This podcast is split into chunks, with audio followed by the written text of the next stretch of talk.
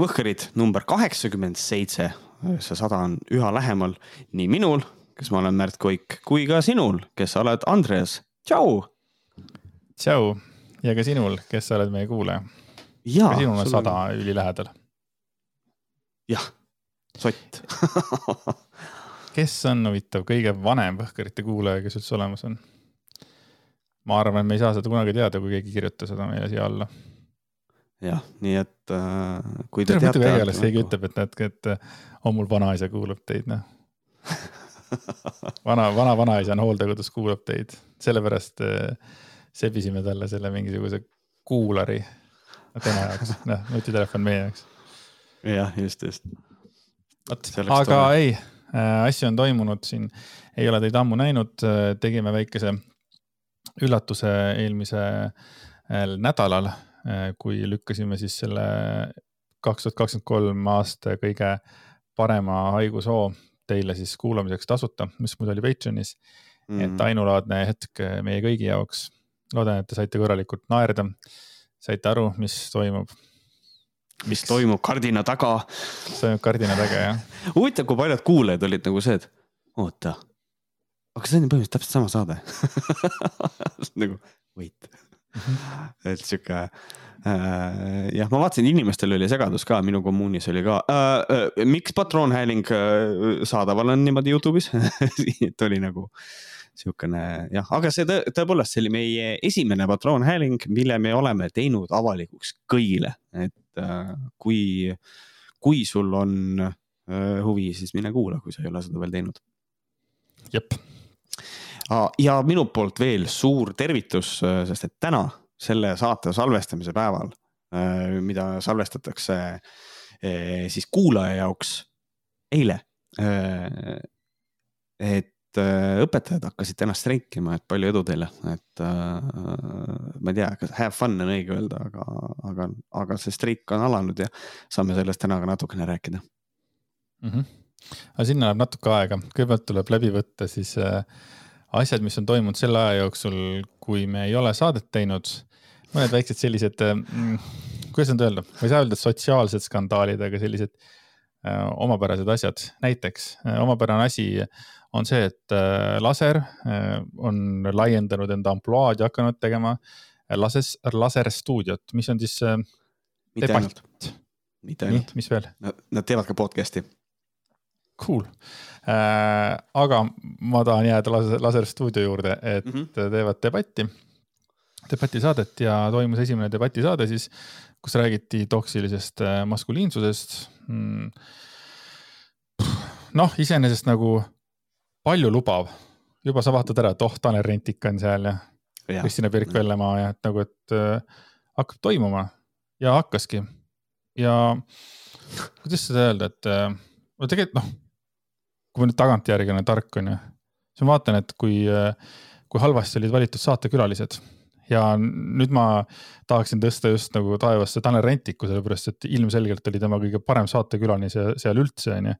ja kui oleks ka olnud ka ainult Kristina Birk-Vellemaa, siis oleks see saade olnud kompaktne mm. -hmm. aga mingil põhjusel oli sinna kutsutud Siim Kellner, eks ole.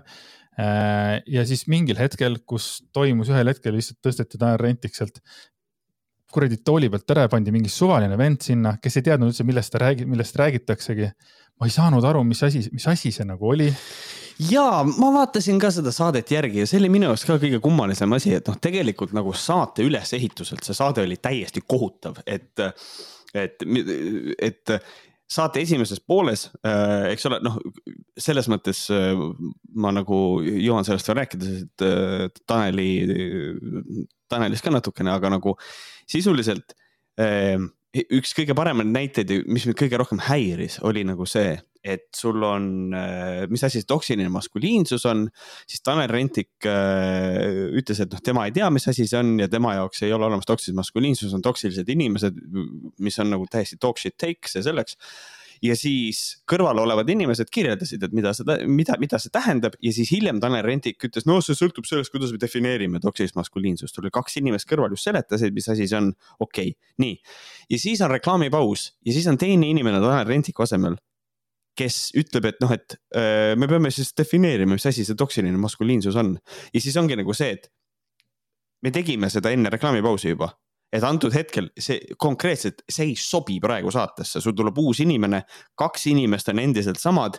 ja see inimene nagu, nagu, nagu sa ütlesid, ta ei ole kursis sellest nagu, kus kohta on vestlus jõudnud. ehk siis kogu vestlus, kogu see asi sai täieliku reset'i järsku. et see on äh, ülesehituselt täielik bardakk jah.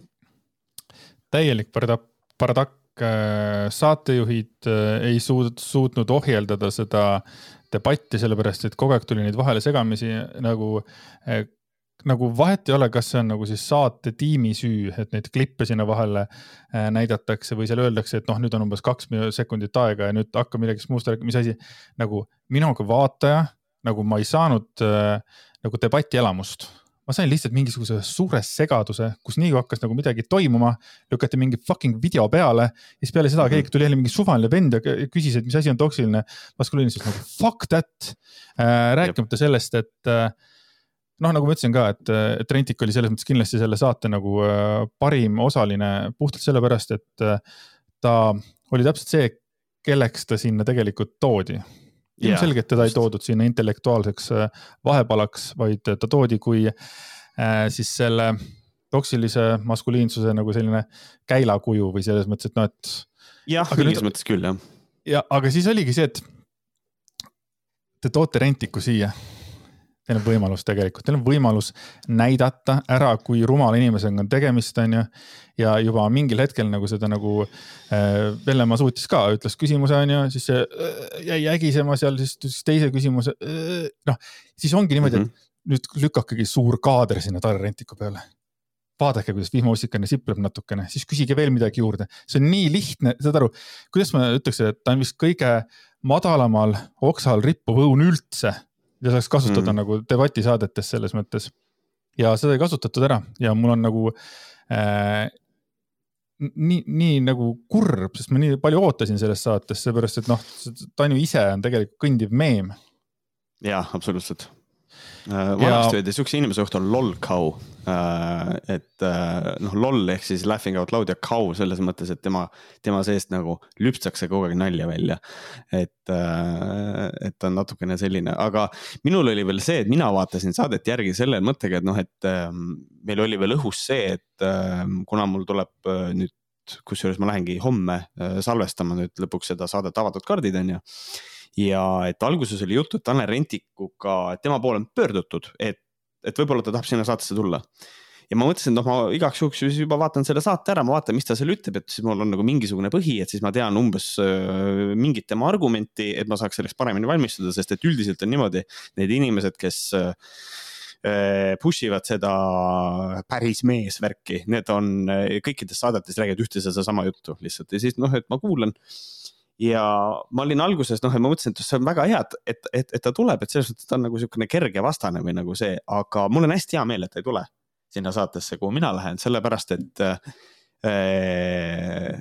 konkreetselt ma võiks Kaalikaga vaielda ja see oleks äh, minu arust tõhusam, sest et nagu konkreetselt seal, see mees on intellektuaalselt täiesti võrdles nagu, selle nagu, nagu ja ma ei oska see kõlab jube halvasti ja see kõlab hästi üleolevalt, aga no lihtsalt, no sorry noh et selle, nagu sa tõid näite ka, et noh, et kui talle esitada küsimus, mis on hüpoteetiline olukord, on ju, siis ta, ta aju ei ole suuteline vastu võtma sihukest asja, et nagu, nagu see, et, et mehed peavad olema eh, kaitsjad, mehed peavad olema agressiivsed eh, sellise asi, mille peale mina, mina tõusin kodus püsti. et, et mehed peavad olema agressiivsed, sest et nad peavad naisi kaitsma noh, eh, mille eest siis kaitsma? noh, elu eest, okei okay., aga kui mehed ei oleks agressiivsed, kui me tegeleks sellega, et mehed ei oleks agressiivsed, siis ei peaks neid ju ka kellegi eest kaitsma. ja Taneli vastus on see, aga elu ei ole nii, elu ei ole nii lilleline. tähendab, keegi ei ole väitnud, et elu on nii lilleline, ta esitas küsimuse, et kui me töötame selle nimel, noh, ühesõnaga, et see oli nagu selline hüpoteetiline olukord, et mõtleme korra nagu seda liini pidi, aga ta ei ole selleks suuteline lihtsalt, et, et, et selles mõttes jah, ta on nagu hea käilakuju, kes sinna kutsuda, olen nõus, aga. sama selle arvete, arve, arve, arvete maksmisega, eks ole, et, et kas mees peaks maksma arved, jah, peab, natuke aega arutatakse, siis lõpuks, et noh, kui naine kutsub, jah, las kutsub. Lähed sööma, jah, jah, tahab maksta, jah, las maksab eh,. mm -hmm. vähemalt millelegi kindlaks, ole. ja just, et nagu see ongi see veider asi, et noh, kui sina leiad, et mees peab maksma, aga sa ütled, ei noh, las maksab. oota, kuidas siis nüüd tegelikult on? et kui naine maksab, kas sa oled nagu ja ei, cool davai, maksa või sa hakkad siis tagasi ajama, et see on nagu noh, kuidagi ei saa sellest aru, ei saa. rääkimata sellest, et kui öeldakse, et äh, need naised on väärtuslikud, kes tahavad perekonda luua, buum, türa, sa saaks, no saad nagu lihtsalt hakka minema nagu, et mm -hmm okei okay,, kas kõik ülejäänud äh, ei ole, ei ole väärtuslikud äh, ja siis hakkab juba see ägim pihta, siis lõpuks ütleb, et jah, ei ole näiteks on ju, et ütleb, et jah, ei ole. okei okay,, mis vanusest ei ole, kas viieteistaastane, kaheksateistaastane, kahekümne ühe aastane, kas nemad peavad kõik tahtma perekonda? Äh, ei, no mis vanusest siis, mis vanusest, mis vanuseni see läheb ja sa saad niimoodi järjest niimoodi ehitada, kuni lõpuks nende suu on nii fucking munni täis, et see on nagu lihtsalt rets, aga mm, -hmm. aga seda ei lastud teha. jah nagu..., sest et oli vaja näidata jälle Andrew Tate'i klippi. just nagu teist suva, siis äh, mm..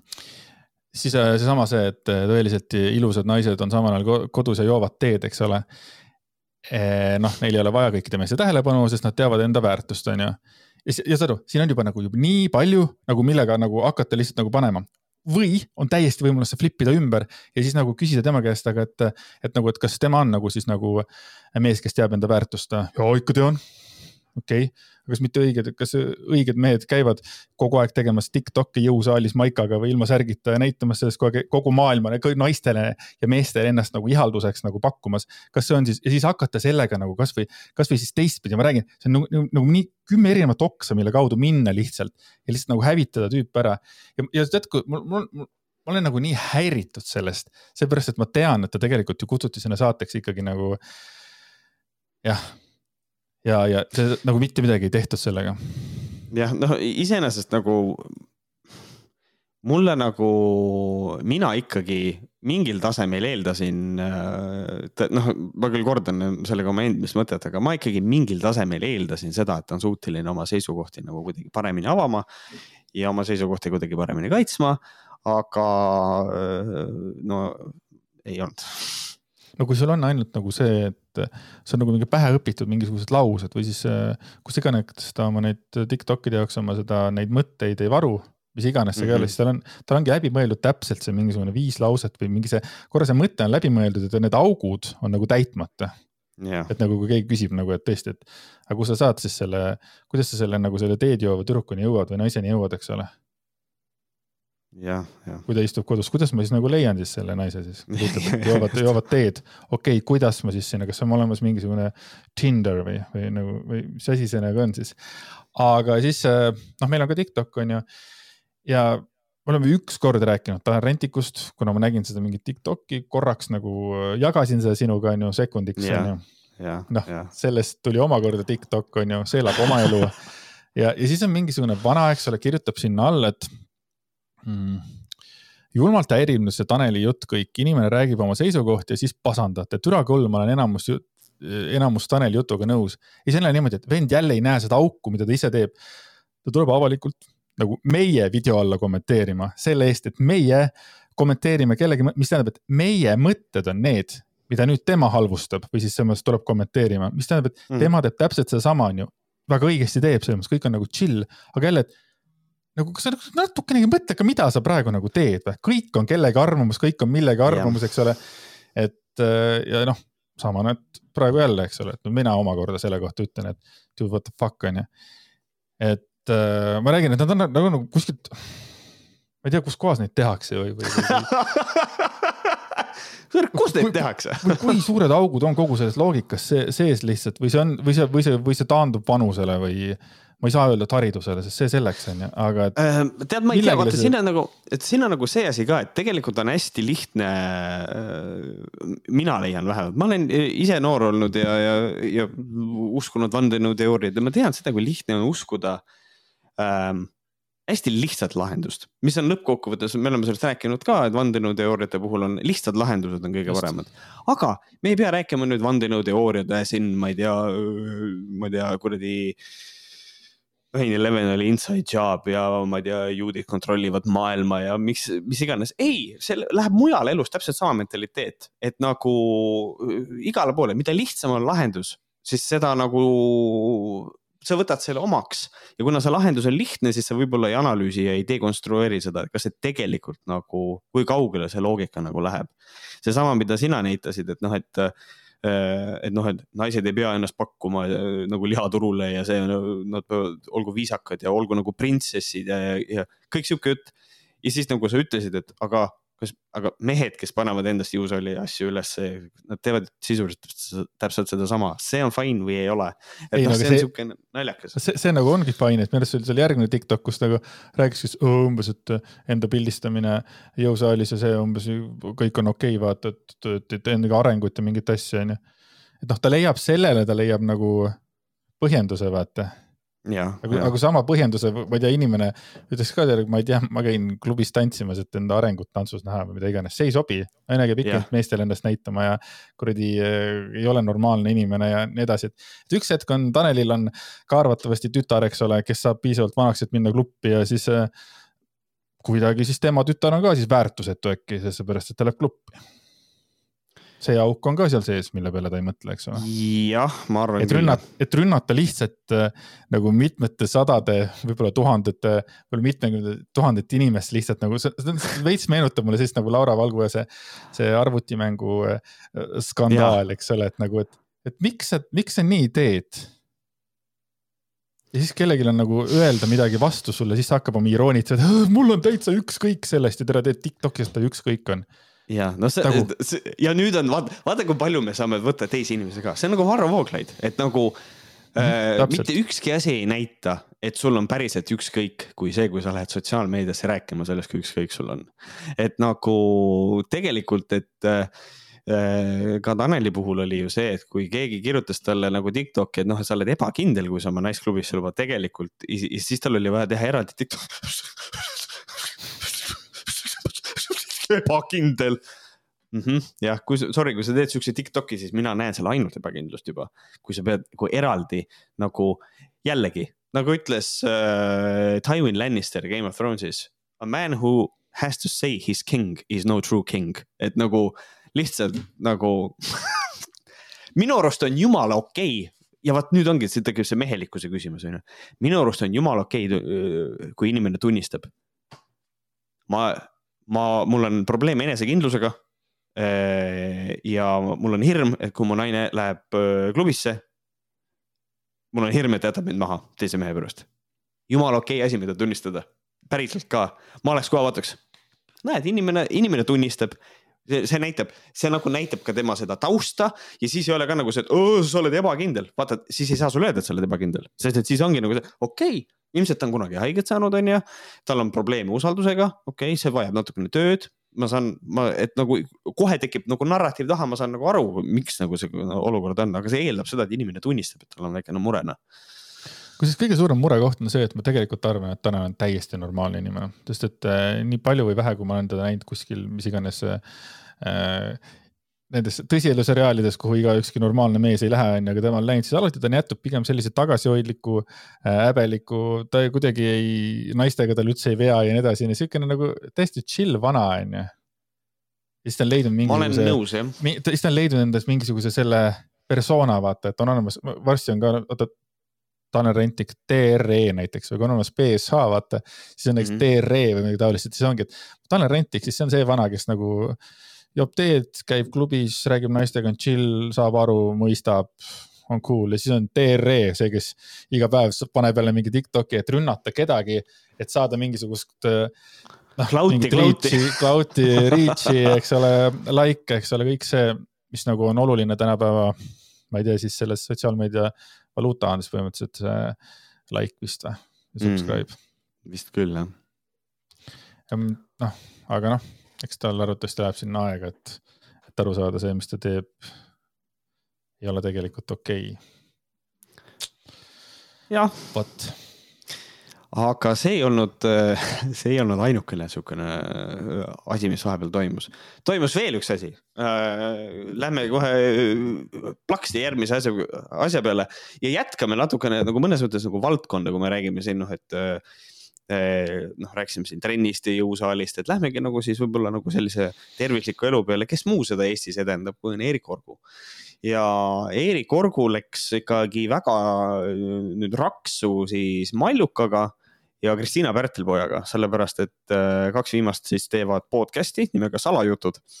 ja salajuttudes äh, podcast'i, noh, ühesõnaga idee on selles, et neile tulevad kirjad, nad loevad need kirjad ette ja siis arutavad kirja sisu üle. Ja, ja siis sinna tuli kiri, kus räägiti, noh nüüd, nüüdseks siis, kus räägiti Eerik Orgust küll aga kiri oli tegelikult anonüümne, see on hästi oluline asi selles juures. tegelikult kiri on anonüümne Äh, küll aga jah, me võime öelda, et seal võib-olla oli mingi vihje inimesele, aga Eerik Orgut nimeliselt nimetatud ei ole. ja inimene, kes nagu ei ole Eerik Orgu asjadega üldse kursis, tegelikult ega ta ei, ei oleks aru saanud, kellest me räägime, onju. Ähm, ja siis äh, natukene nagu noriti äh, seal selle asja üle, Orgu üle umbisikulis-, umbisikuliselt ja see jõudis Eerik Orguni, sest keegi vist tag'is ta seal all ära seal kuskil ja, ja ühesõnaga. ja Eerik Orgu läks sotsiaalmeediasse ja siis põhimõtteliselt expose'is ennast millegipärast, et, et nad rääkisid temast ja siis hakkas nii-öelda valesid ümber lükkama. mis on minu arust nagu hästi kummaline käitumine selles mõttes, et tegelikult otseselt keegi ei ole öelnud, Eerik Orgu tegi nii, vaid see on umbisikuline jutt, millest ma arvan, et võib-olla valdav enamus podcast'i kuulajatest niikuinii aru ei saa. Ähm, et äh, minu arust hästi naljakas, hästi naljakas asi äh, Eerik Orgu poolt, mida teha, hästi kummaline, ei saa aru mm.. Vot siin on mõnes nagu kaks, kaks äh, võib-olla isegi jälle kolme, kolm, võib-olla isegi neli erinevat nurka, kustpoolt vaadata, et kui ma mõtlesin. olen nõus, jah nii, et äh, alustame sellest, et äh, kui vaadata seda saadet äh, ilma Malluka ja Kristina Pärtelpõe kommentaarideta näiteks mm, -hmm. siis äh,, siis seal oli ainult sellised asjad, et, et seal kirjas oli kirjas, et kirjas oli kirjas, boom, et tegu on ühe Eesti kuulsaima härraga. nii, esiteks never have I ever thought, et see oleks olnud Eerik Orgu, seal ei olnud kirjas personaaltreeneriga, treeneriga. ühe kuulsama härraga, eh, kes elab kuskil pära perses metsas, eks ole. Eh, ja siis oligi see, et nad. see on, see on iga kogu... Eesti avaliku elu tegelane jah, ja siis seal oligi nagu point oligi see, et kogu aeg sõi, seksis ja sittus, eks ole. põhimõtteliselt siin on nagu null võimalust. nagu null võimalust, et siin midagi välja lugeda. Nii mm, -hmm. aga nüüd lisame siis sinna saatejuhid, kes ja. Äh, väga hästi said aru, kellest räägitakse ja hakkasid ka oma mingisuguseid ähm, kogemusi siis ütleme jagama samal ajal, eks ole. ja sealt tuli näiteks selline vihje, et eks ole, et tal oli äh, skandaal söömisega on ju, mis ka tegelikult siiski ei ole ka veel tegelikult nothing, see ongi nii veider, keegi kirjutab anonüümselt kirja, mis võib-olla täielikult noh, ongi, võib-olla on mingisugune natuke tõde seal all, eks ole, ja siis paneb ka veel täiesti, võib-olla panebki mingi suvaliselt, ägedam kiri oleks. nagu see on nagu täiesti pohhu, sest see on anonüümne kiri, lihtsalt mingisugune kiri. on ju. aga siis ma hakkasingi mõtlema, et aga miks läks Erik Orgu nagu selles mõttes, äh, mis tal nagu siis tõmbas nagu sita lõplikult keema, et, äh, et kas siis oligi see, et nagu, et seal Pärtelpoeg ja Mallukas tegid mitu korda Erik Orgu peale või mis asi see oli, mis nagu niimoodi ajas vennal lihtsalt nagu sita keema, et ta tundis ennast solvatuna.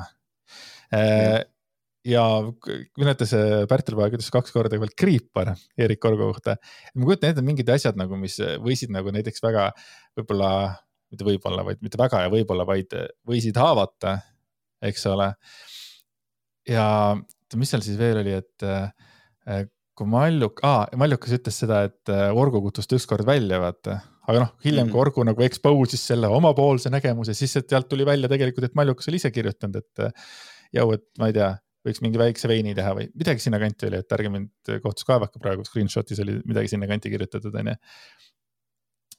ja noh, ma, see on jälle niimoodi, et kes, kes kuidas mäletab seda lugu, vaata selles mõttes, et alustame sellest, et kirjakirjutaja võis mäletada seda situatsiooni nii, nagu tema nagu seda kirjeldas tegelikult, et, et ta ei pannud sinna näiteks juurde, et ta arvaski, et Eerik Orgu, vaata milline asi, millest rääkida, et arvaski, et Eerik Orgu parkis äh, siin Google'i, ma ei tea, kõnniteel, eks ole, ja arvaski, et Eerik Orgu tegi seda ja arvaski ja tundiski seda, et Eerik Orgu tegi mm, -hmm, samal ajal, kui ta nühkis ta peal, eks ole. ja ta, ta nagu, need olidki tema mingisugused nagu nägemus sellest, Erik Korgu ja. nägemus on hoopis teistmoodi, mis on täiesti, täiesti arusaadav, sellepärast et on kaks inimest, nad näevad ju asju täiesti erinevalt noh. ja ikka, loomulikult perspektiivid. ei ole võimalik, et nad näevad nagu ühtemoodi, ju, see oligi see, et, et Erik Korgu oma selles äh, videos siis, kus ta rääkis, et talle liiga tehti. seal ta ütles ka, et kõik see, mis ta räägib, kõike saab ta tõest tõendada aga samas ta räägib sellest, et ta äh, parkis a la mingisuguse selle koha peale, tolle koha peale, aga samas keegi ei saa ju tõendada, sinna nagu selles mõttes tegi, nii et noh, sellel väike vale oli sees äh,. Huvitav oli see ka, et Erik Orgo ütles, et äh, on olemas ka, oota, kuidas see oli, ta on olemas siis nagu siis kiusajad ja siis on olemas ohver. no nagu tema siis nagu on ohver, on ju, aga siis mm -hmm. video lõpus ta ütles, et ära ole ohver. ta nagu noh, oli nagu motiveeriv, et ära ole ohver, aga ise ta nagu ütles, et ta on ohver. jälle siukene nagu huvitav asi okay., siis, siis ta rääkis aeg karmast, kuidas karma nagu maksab kätte nendele inimestele. nagu ja siis on jälle nagu, et mille eest, see oli anonüümne kiri. Et see võis teha haiget, aga see oli fucking anonüümne kiri. ja nüüd on minu küsimus, Märt, sulle. nii. kas see video, kas see tema äh, handjob'i video, mis hakkas liiklema mööda siis nagu arvuteid või ma ei tea kuskohast kas see tuli peale seda, kui tema ennast ise expose'is või? ma isegi, ma isegi ei, ma isegi ei tea seda vastust, millal see nagu tuli, ühesõnaga kuulajatele, kes ei tea, et siis tegelikult Erik Orgust läks liikvele video, kus kohas ta kunagi käis pornofilmi casting ul. ja, ja siis sellest on nüüd video läinud liikvele ma ei tea täpselt, millal see tuli, aga see läks nüüd selle, selle draamaga seoses läks see liikvele küll jah. et äh, ja kas ma, kas ma mäletan õigesti, kas see oli ka asi, mida, kas screenshot'i postitas ka Mallukas või? või kas ma eksin, et ühesõnaga kuidagi mille või tähendab, ühesõnaga minu, minu point sellest videost, mis nagu liigub, on nagu hästi nagu, on nagu võrdlemisi lihtne. et äh, ma ei saa aru, mida see porno casting'u video peaks tegema või nagu mida nagu seda levitatakse äh, sellel eesmärgil, et, äh, et Eerikut nagu häbistada selles mõttes nagu sada protsenti, seal pole mitte mingisugust teist pointi. aga ma ei saa aru, miks see peaks olema vahend. ma nagu, miks, võidelge argumentidega, miks te toote sisse täiesti kõrvalise asja et inimene, kes casting ul tahtis minna sekstööstusesse ja mis on halba selles, kui inimene tahab minna sekstööstusesse. Need casting ud on sellised, et on vaja võtta paljaks ja teha asju, et nagu ma ei saa sellest, ma ei saa sellest relvast nagu, ma ei saa selle kasutuse mõttest aru, miks seda on vaja kasutada. ma ei mõista seda. aga kas pole mitte erakordne, et Eestis on selline situatsioon praegu või, et on olemas noh, ei saa küll öelda, et seksvideo on ju, aga on olemas mingisugune intiimne video kellegist tuntud inimesest siis. seda ei ole ju varem olnud sellist asja, mis on nagu liikinud niimoodi. see ei ole ju Erik Orgu enda liigitud. Ma, kusjuures, see on hea küsimus, ega ma ei mäleta, kas on olnud. et nüüd on jälle küsimus, et kas see tuleb Erik Orgule kahjuks või kasuks on ju, et äh,. aa ah, okei okay,, Ranna Erikule..., Rannamäe, Rannamäe Brita ka avaldas enda seal. aa jah. pornoabis oli tema ja. video ka. aga fuck raisk. Orgule, ma ütlen ausalt, Orgule vist tuleb natuke kahjuks see asi, sest et äh, ta ei oska seda ka ära kasutada. aga noh, nüüd on jälle nii, et äh, mängime nüüd sellise mängu korra, et äh, kui nimi, kui oleks seal on nimi, nimi, nimi käinud läbi, inimene mm -hmm. olekski rääkinud kõik selle loo nagu, mis ta rääkis, aga ta oleks sinna nime asemele pannud. kas siis oleks olnud võimalik mingisugune case laimamise või valetamise eest kuidagi tekitada või? ma ei tea seda võimalik. aga kuna, kuna tegu, tegu oli täielikult anonüümsusega ja see, et kui sa tead, kes see on ja siis nagu ütleb saatejuhid, andsid aku juurde, aga samamoodi ei, ei, ei öelnud, kes see on. Siis ma ei saa nagu aru, miks oli Erik Korgul vaja võtta ja visata siis äh, kirjakirjutaja rongi alla. jah, ma et, ei tea seda. et vaat see on minu jaoks nagu kõige, kõige suurem probleem äh, ja, ja siin seal all olid kommentaarid ka. Ja siis keegi oli kirjutanud siis selle, äh, siis selle kirjakirjutaja kohta, et see papapa on Saue riigigümnaasiumis kooliõde, selline inimene on siis hariduses ja töötab medõena. äh, meie Eesti lapsi või küsimärk ja siis Erik Orgu oli kirjutanud täitsa jube, keegi peaks kooli teavitama. What the fuck? ja, ja see, äh, vot see on siis, munn asi, mida ja teha. ja siis keegi küsis, et peaks või?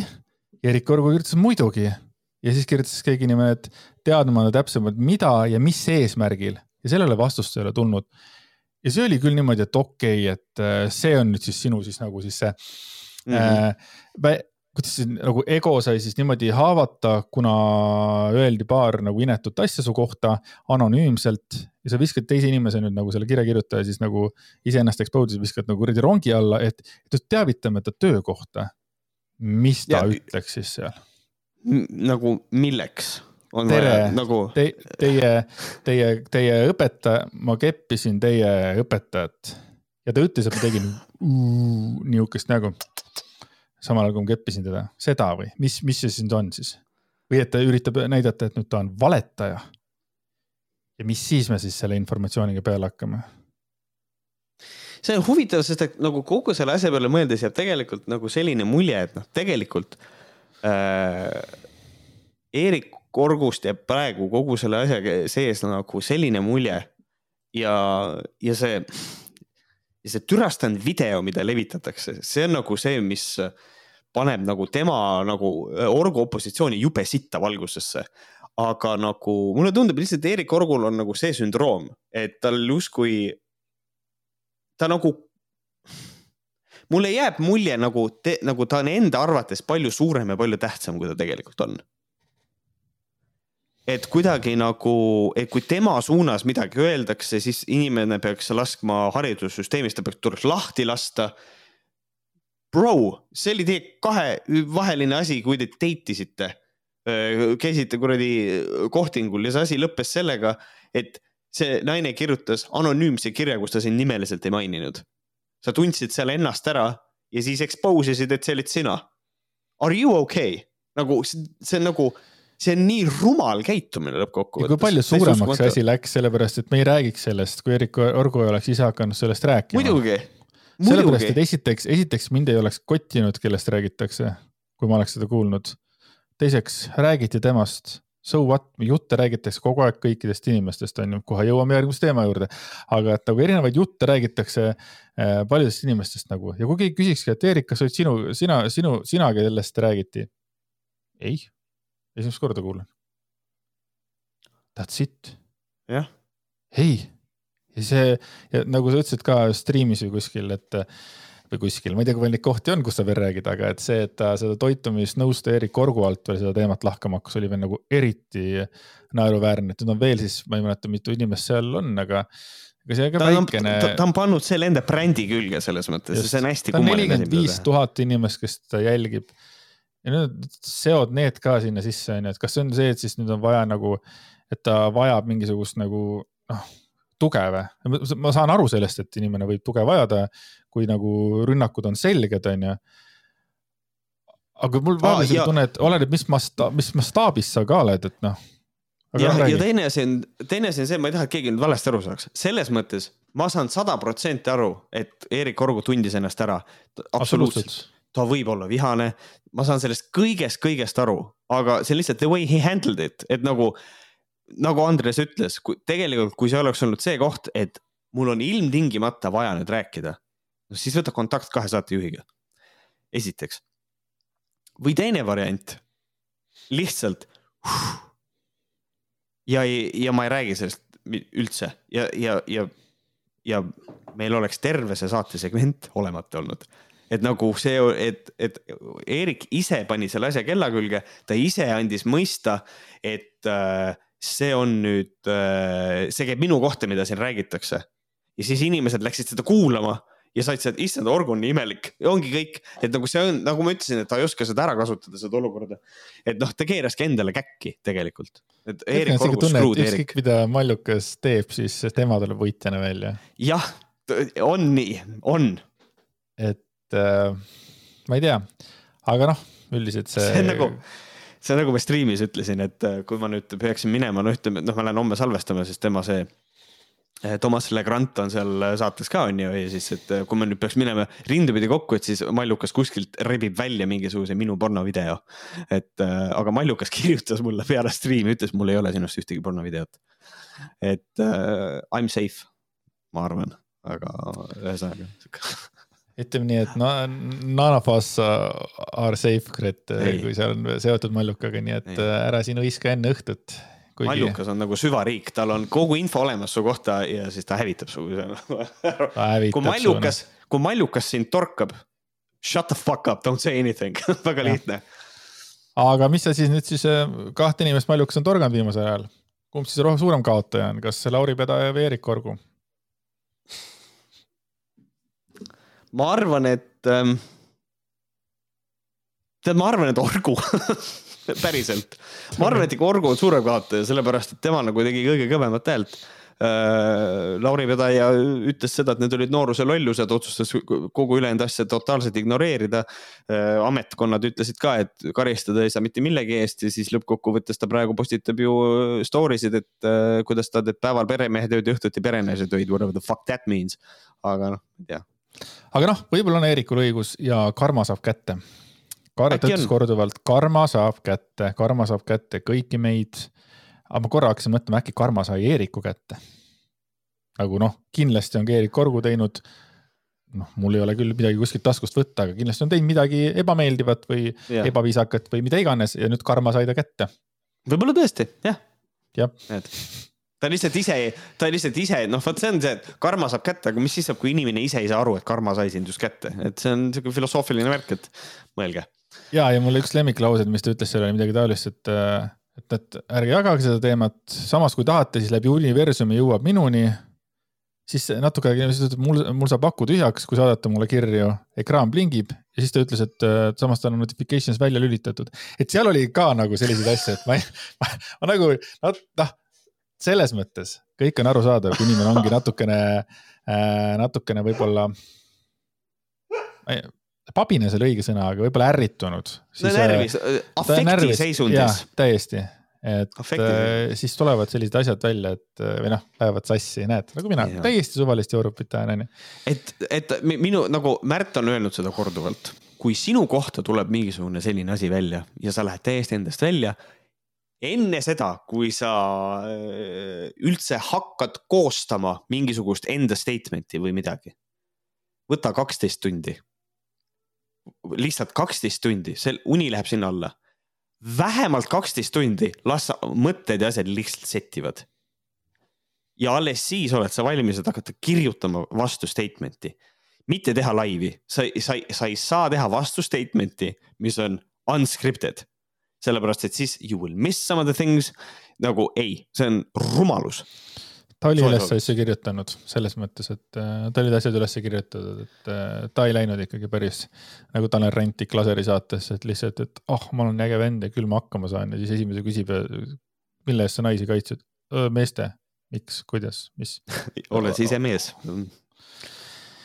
Just, aga rääkides teemadest, äh, mis, mis levivad juttudeni juttudena. jah ja. ja., siis äh, Liis Lemsalu case on äh, amazing case äh, sellepärast, et ka mina olin kuulnud, ütleme mingi paar kuud tagasi tuli mulle üks inimene, kes rääkis, et näed, Liis Lemsalu tõmbab kokaiini, ta käis üledoosiga EMO-s a la sünnituse kutsus esile mingi, mida iganes, kõik sama asi. siis kuulasin ta ära, okei okay sounds legit selles mõttes, et miks ei võiks nii olla, kus sa kuulsid ja. seda? noh, ja siis ta ütles mulle kaks nime, noh, tema ja tema ütlesid. ma küsin, kus nad teadsid? no nendel üks medtöötaja oli teema ja siis, kui ma rääkisin veel mõne inimesega, siis kõik olid kuulnud seda lugu samamoodi, aga noh, erinevate inimeste käest ja kõigil oli vaata see ülejärgmine, mitte järgmine ei olnud see, kellele medõde oli tuttav, vaid siis see järgmine link oli see, kellele medõde oli tuttav olnud. siis mul tekkis kohe küsimus, kas meil on kümneid tuhandeid medõdesid, kes kõik on kuidagi seotud millegagi, eks ole. et äh, ja noh, noh, ütleme niimoodi, see on jutt. kas sa mäletad kunagi, kuna kuulujutt niimoodi on levinud, tavaliselt on videod levivad, mingid asjad ja me räägime kaks tuhat kakskümmend, no mingi kolmkümmend, kaks tuhat kakskümmend kolm aastas siis, kuulujutt levib kulutulena mul on kohe näide taskust võtta, kus kuulujutt levis kulutulena no,. räägi.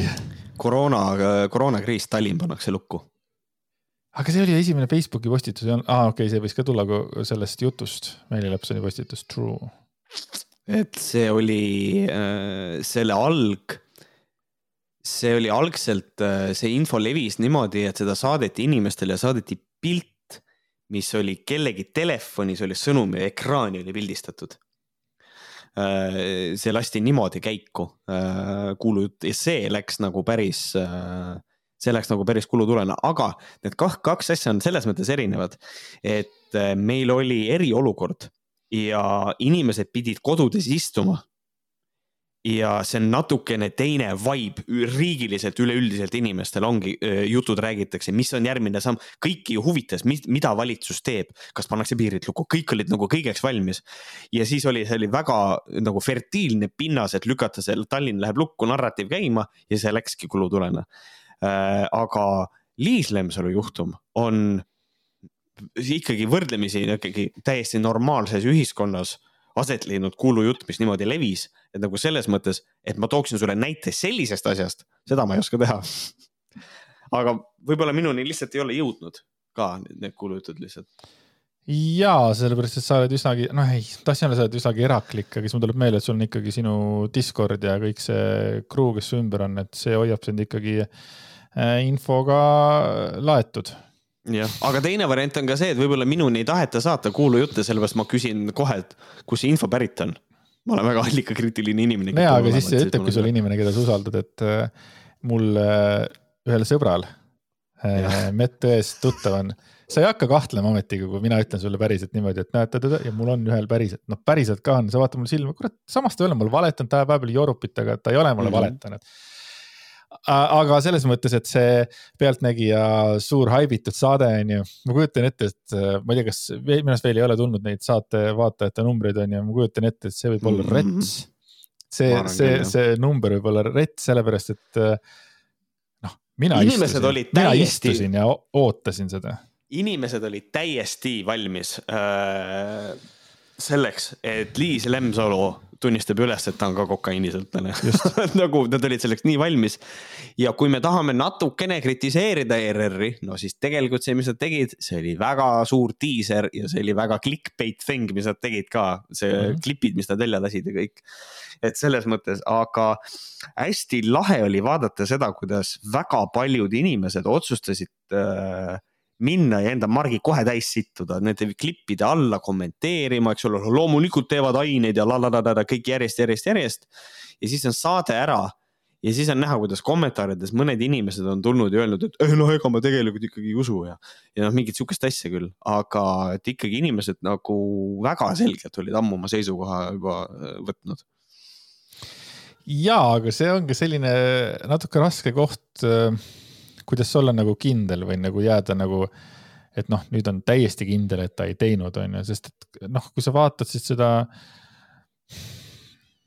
kui ma vaatasin seda, ütleme siis niimoodi, kui ma vaatasin seda intervjuud, siis see ei jätnud mulle mingisugust äh,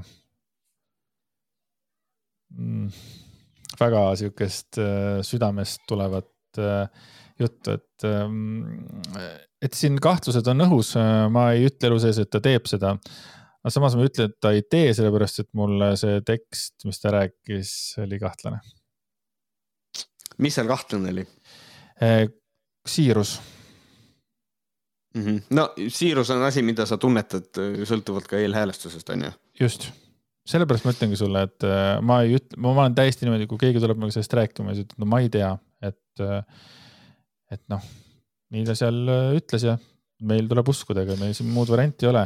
lihtsalt kuulujutte on veel ja veel, mis panevad minu väikese ajukese ka tööle selles mõttes, et neid kokaiinisõltlaste kuulujutte on veel siin Eestis. No, absoluutselt, loomulikult. ja, et ma nimesid ei tropi, aga on ka üks härrasmees, kes on väga sportlik, väga kuulus, mõned aastad minust vanem, eks ole. isegi alkoholitarbija räägitakse, et tema on ka, eks ole, sõltlane ja, ja, ja.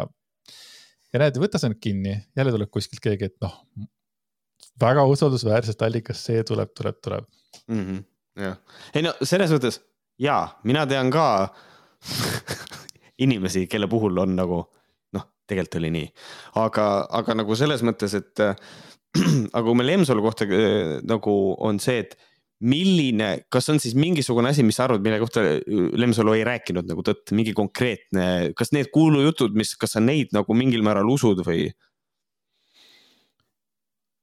Selles mõttes, et noh, kõik me oleme mingeid asju teinud oma elus mm. -hmm. no ja Lemsalu küll väga ebaõnnestunud, aga ka seda ju ka ütles ju Intekas mm. -hmm ta andis ju mõista seda, et ta ei, see on mille, see on naljakas, ta nagu, ta nagu ütles kõigepealt, et noh, et, et ta ei ole teinud, aga siis ütles, et nooruses on teinud, mis oli minu mhm. arust nagu sihuke, natuke ebaõnnestunud asi, kuidas see välja tuli. aga sellele järgnev lugu, noh, ma ei tea, kuidagi minule ei ole näiteks üldse nagu, nagu kahtlust, mis puudutab seda, et ta on Eh, mis puudutab eh, seda, et ta on kokaiinisõltlane, et ta on käinud EMO-s eh, lapsena, kõik need asjad, need, neid asju ei saa eksisteerida, sellepärast et ta näitas oma, ta näitas oma digilugu, et nagu digiloo ette Kärmasele. et ja, ja Kärmas ütles seda. nüüd ma tean, ilmselt ka meie kuulajate hulgas on nii mõnigi inimene, kes ütleb, no mätsivad kinni. Äh, pealtnägija ei saa oma ajakirjanduslikku usaldusväärsust äh, nagu lasta potist alla sellega, et nad valetavad niimoodi, sest et see tuleks välja. et noh, see on siukene, et no lihtsalt äh, tal ei ole nagu seda kuskil kirjas, et nagu selles mõttes, kas ta on kuskil teinud kokaiini enne seda, kui ta rase oli ma võin vabalt uskuda seda, aga see on nagu kogu selle jutu keskmise, need kuulujutud, mis olid, see osa on hästi irrelevantne. ai, selles mõttes, kui küsida, kas ta oli overdose'iga ja, ja läks sünnitama samal, kui ta overdose'i oli, ei, seda ma ei usu. selles mõttes, et mm -hmm. ei, ei, seda ma ei usu, ma lihtsalt äh, ma, vaata, ega alati ei teagi, ega meil, meil on varemgi olnud lihtsalt äh, ka üks situatsioon, kui lihtsalt ongi midagi, et noh, üks usub ühte, teine usub teist, eks ole, et ei ole midagi teha, aga jah, igatahes äh, olge siis ettevaatlikud, kui te teete äh, või ei tee kokaiini, sellepärast et äh, igalühel on üks medõde, kes on ühe inimese kaugusel, kes teab täpselt, kuna sa tegid, mida sa tegid, eks ole. no tegelikult ei tohiks isegi medõed või mingid inimesed sellest üldsegi rääkidagi. et kusjuures huvitav, ah jah, kuidas seda saaks võtta, teeme näo, mängime minuga kaasa, teeme niimoodi, et see asi, et see situatsioon toimus ja siis äh, oligi, seal oligi tööl samal ajal oligi mingi seitse inimest, noh näiteks. noh mm -hmm., kuskilt see peaks hakkama saama, huvitav alguse saama, kuidas seda sellist äh, asja uuritakse? kuidas seda kannatakse uurida? kas leiaks üles süüdlase mm,? kõik mind, ütlevad, et nagu... ei, mina ei ole teinud, noh jah, eh, no ega põhimõtteliselt nagu ei saagi vist ähm, küll aga, mida ma tahtsin enne öelda, on nagu see, et see, et see nagu niimoodi ikkagi väga tugevalt levis, siis äh, ma täiesti siiralt leian, et seal on mingisugune kuradi organiseeritud ikkagi kohe väga tugeva sooviga Liis Lemsalule teha mingit moraalset kahju. Okay.. seal on ikka täiesti selge tahe on taga. Liis Lemsalu ütles selle kohta, et, et teda üritati tühistada mm,. ma nüüd ei, ma nüüd ütlen ausalt, kas ta ütles Intekas seda ise, sest et kõige esimesena ütles seda omamoodi tühistamine, ütles ka Kärmas. teeme nii, et Kärmas siis ütleb, ma ei, kuna ma ei ole faktipõhine praegu, siis, siis keegi ütles sealt mm. -hmm. nii yeah, algab see yeah. kuulujutt. Liis Lemsalu ütles mulle tühistada, tegelikult ei öelnud. võib-olla siis lihtsalt, et kas on ette võetud Liis Lemsalu tühistamiskampaania, onju.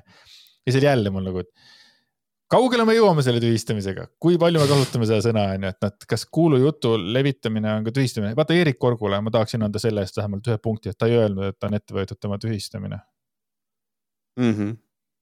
aga et äh, jah, ma isiklikult arvan, et see ei olnud tühistamine, et, et kas see on organiseeritud või organiseerimata selles mõttes äh, kuulujutt on ju, aga ma.... laimukampaania on see küll jah, selles mõttes, see on ja, nagu ilmselgelt laimukampaania jah, aga, aga ma ei tea, mul, mul on juba, meil, meil mõlemal on see probleem, et ma juba põhimõtteliselt ma ütlen, et tühistamine on termin, mida just drop it nagu no, et äh, aga, aga selles mõttes, kui me võtame üldiselt see, mida tavaliselt tühistamiseks nimetatakse, on ju meil ühiskonnas, siis siis see vastus on jaatav, et nagu selles mõttes jah, see on samamoodi mingi läbi mingi laimukampaaniaga üritatakse teha eh, niimoodi, et nagu ma aru sain, tal üks mingi esinemine jäi ära selle asja pärast. Äh, mis vist otseselt talle vist kui ma õigesti aru sain, vist talle vist öeldi ära sellepärast, et ta on narkar põhimõtteliselt nagu. et, et ma nagu selles mõttes olen nõus, aga üldiselt tehniliselt see laimukampaania on palju täpsem. aga see on ikka rets küll tegelikult, kui sa oled sellise, sellise staatuse endale aastate jooksul nagu välja võidelnud Äh, oma yeah. tööga, oma suhtlemise, kõigega. et see ongi niimoodi, et Eestis on kaks, Eestis on kaks naislauljat, kes on need sweethearts, kes never ei tee mitte midagi halvasti.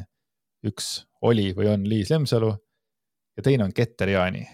kuigi tuleks mulle selle jutuga, et Keter Jaani tõmbab kokaiini, sa ütled, ah, mine oma jutuga.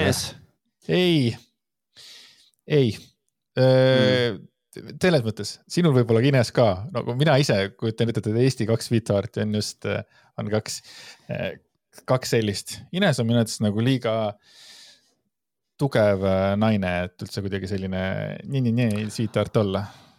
okei okay,, I can see that ja Ines on imeline. noh, aga oleks keegi öelnud, et aga ma ei hakka name drop ima, aga keegi too, too tegi kokaiini.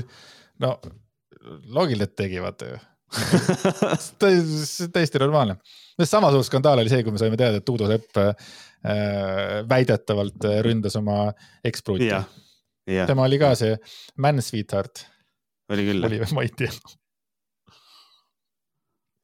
Anyway, järgmine Ots, asi oleks see, kui keegi ütleks, et Märt Koik oli, oli täis peaga laaberdas Piragovas, siis ongi niimoodi, et pff, ei jah, see on nagu meil Tiktokis öeldi, mulle, see on mu üks lemmikkommentaare, et äh, ma olevat olnud äh, Pärnus Port Arturis äh, alkoholileti ääres ja olin juua täis ja see on nii tore, sellepärast et ma ei mäleta, millal ma viimati käisin Port Arturis, see on rohkem kui kümme aastat tagasi. täis võib-olla küll, ma ei tea, aga mul ei ole Pärnusse asja, nii et ma ei tea. aga oli. minu lemmikkommentaar sinu kohta oli see, et äh, nägin kunagi Märt Koiki kuskil mingil üritusel.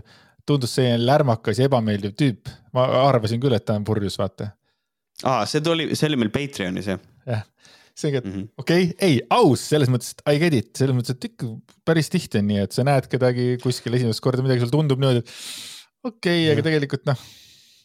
et selles mõttes minu naine võib kinnitada, et ma olen lärmakas ja ebameeldiv, et nagu. ma just tahtsin mõttes... öelda, et, et sa kindlasti võisid olla ebameeldiv. Aga, aga kujutage ette, et aga ma ei ole, ma ei, ma reeglina, ma ei ole, ma ei ole kunagi purjus, nii et ma, ma olen lihtsalt ebameeldiv ja lärmakas, nii et easy, sorry, lihtsalt nii on. jah, vot. lärmakas. noh, noh, vot, vot, vot. Lähme siis äh, kõige tähtsama teema juurde Eesti poliitikas on äh, Eesti Laul oli, et äh, ja dokumendis on minu kallis kaassaatejuht esitanud terava küsimuse, kas said õiged lood edasi? Minu arust, minu arvates mina vaatasin seda nagu, minu üldine seisukoht on see selle aasta Eesti Laulust. ma saan aru, kõik tegelikult inimestel on õigus valida oma laule ja kõiki asju, aga kas ei oleks nagu ERR-il olnud lihtsam äh, minna sama teed, mis nad läksid äh, kinoteatriga ja lihtsalt ära cancel dada kogu see pull, hoiab raha kokku ja siis oleks võinud lihtsalt ära vormistada, et Puuluubi viis miinust lähevad Eurovisioonile. Done, tehtud aga selle asemel on vaja teha mingisugune kuradi fucking palagan. Äh, et ühesõnaga minu arust äh, mina hoolin ainult kahest laulust ja see on äh, seesama Viis minust ja Puuluup ja teine Nolli, kõik. Need said edasi, I m fine. Mhm. tundub, et sa oled ka mingi plaadi pannud käima nagu iga, iga aasta Eesti Laulul, vaata noh, täna mm -hmm. oleks võinud juba lihtsalt selle Aalika ära saata ja jätta see sinnapaika, niikuinii Aalika võidab. et äh, kas pole mitte veider, et tegelikult Viis Miinust on ju noh, Viis Miinust on saanud äh, nii suureks rahva lemmikuks, et seda kuulab tütar või noh, poeg, tütar, isa, ema võib-olla mm. ka vanema vanaisa, kui nad on seal kuskil.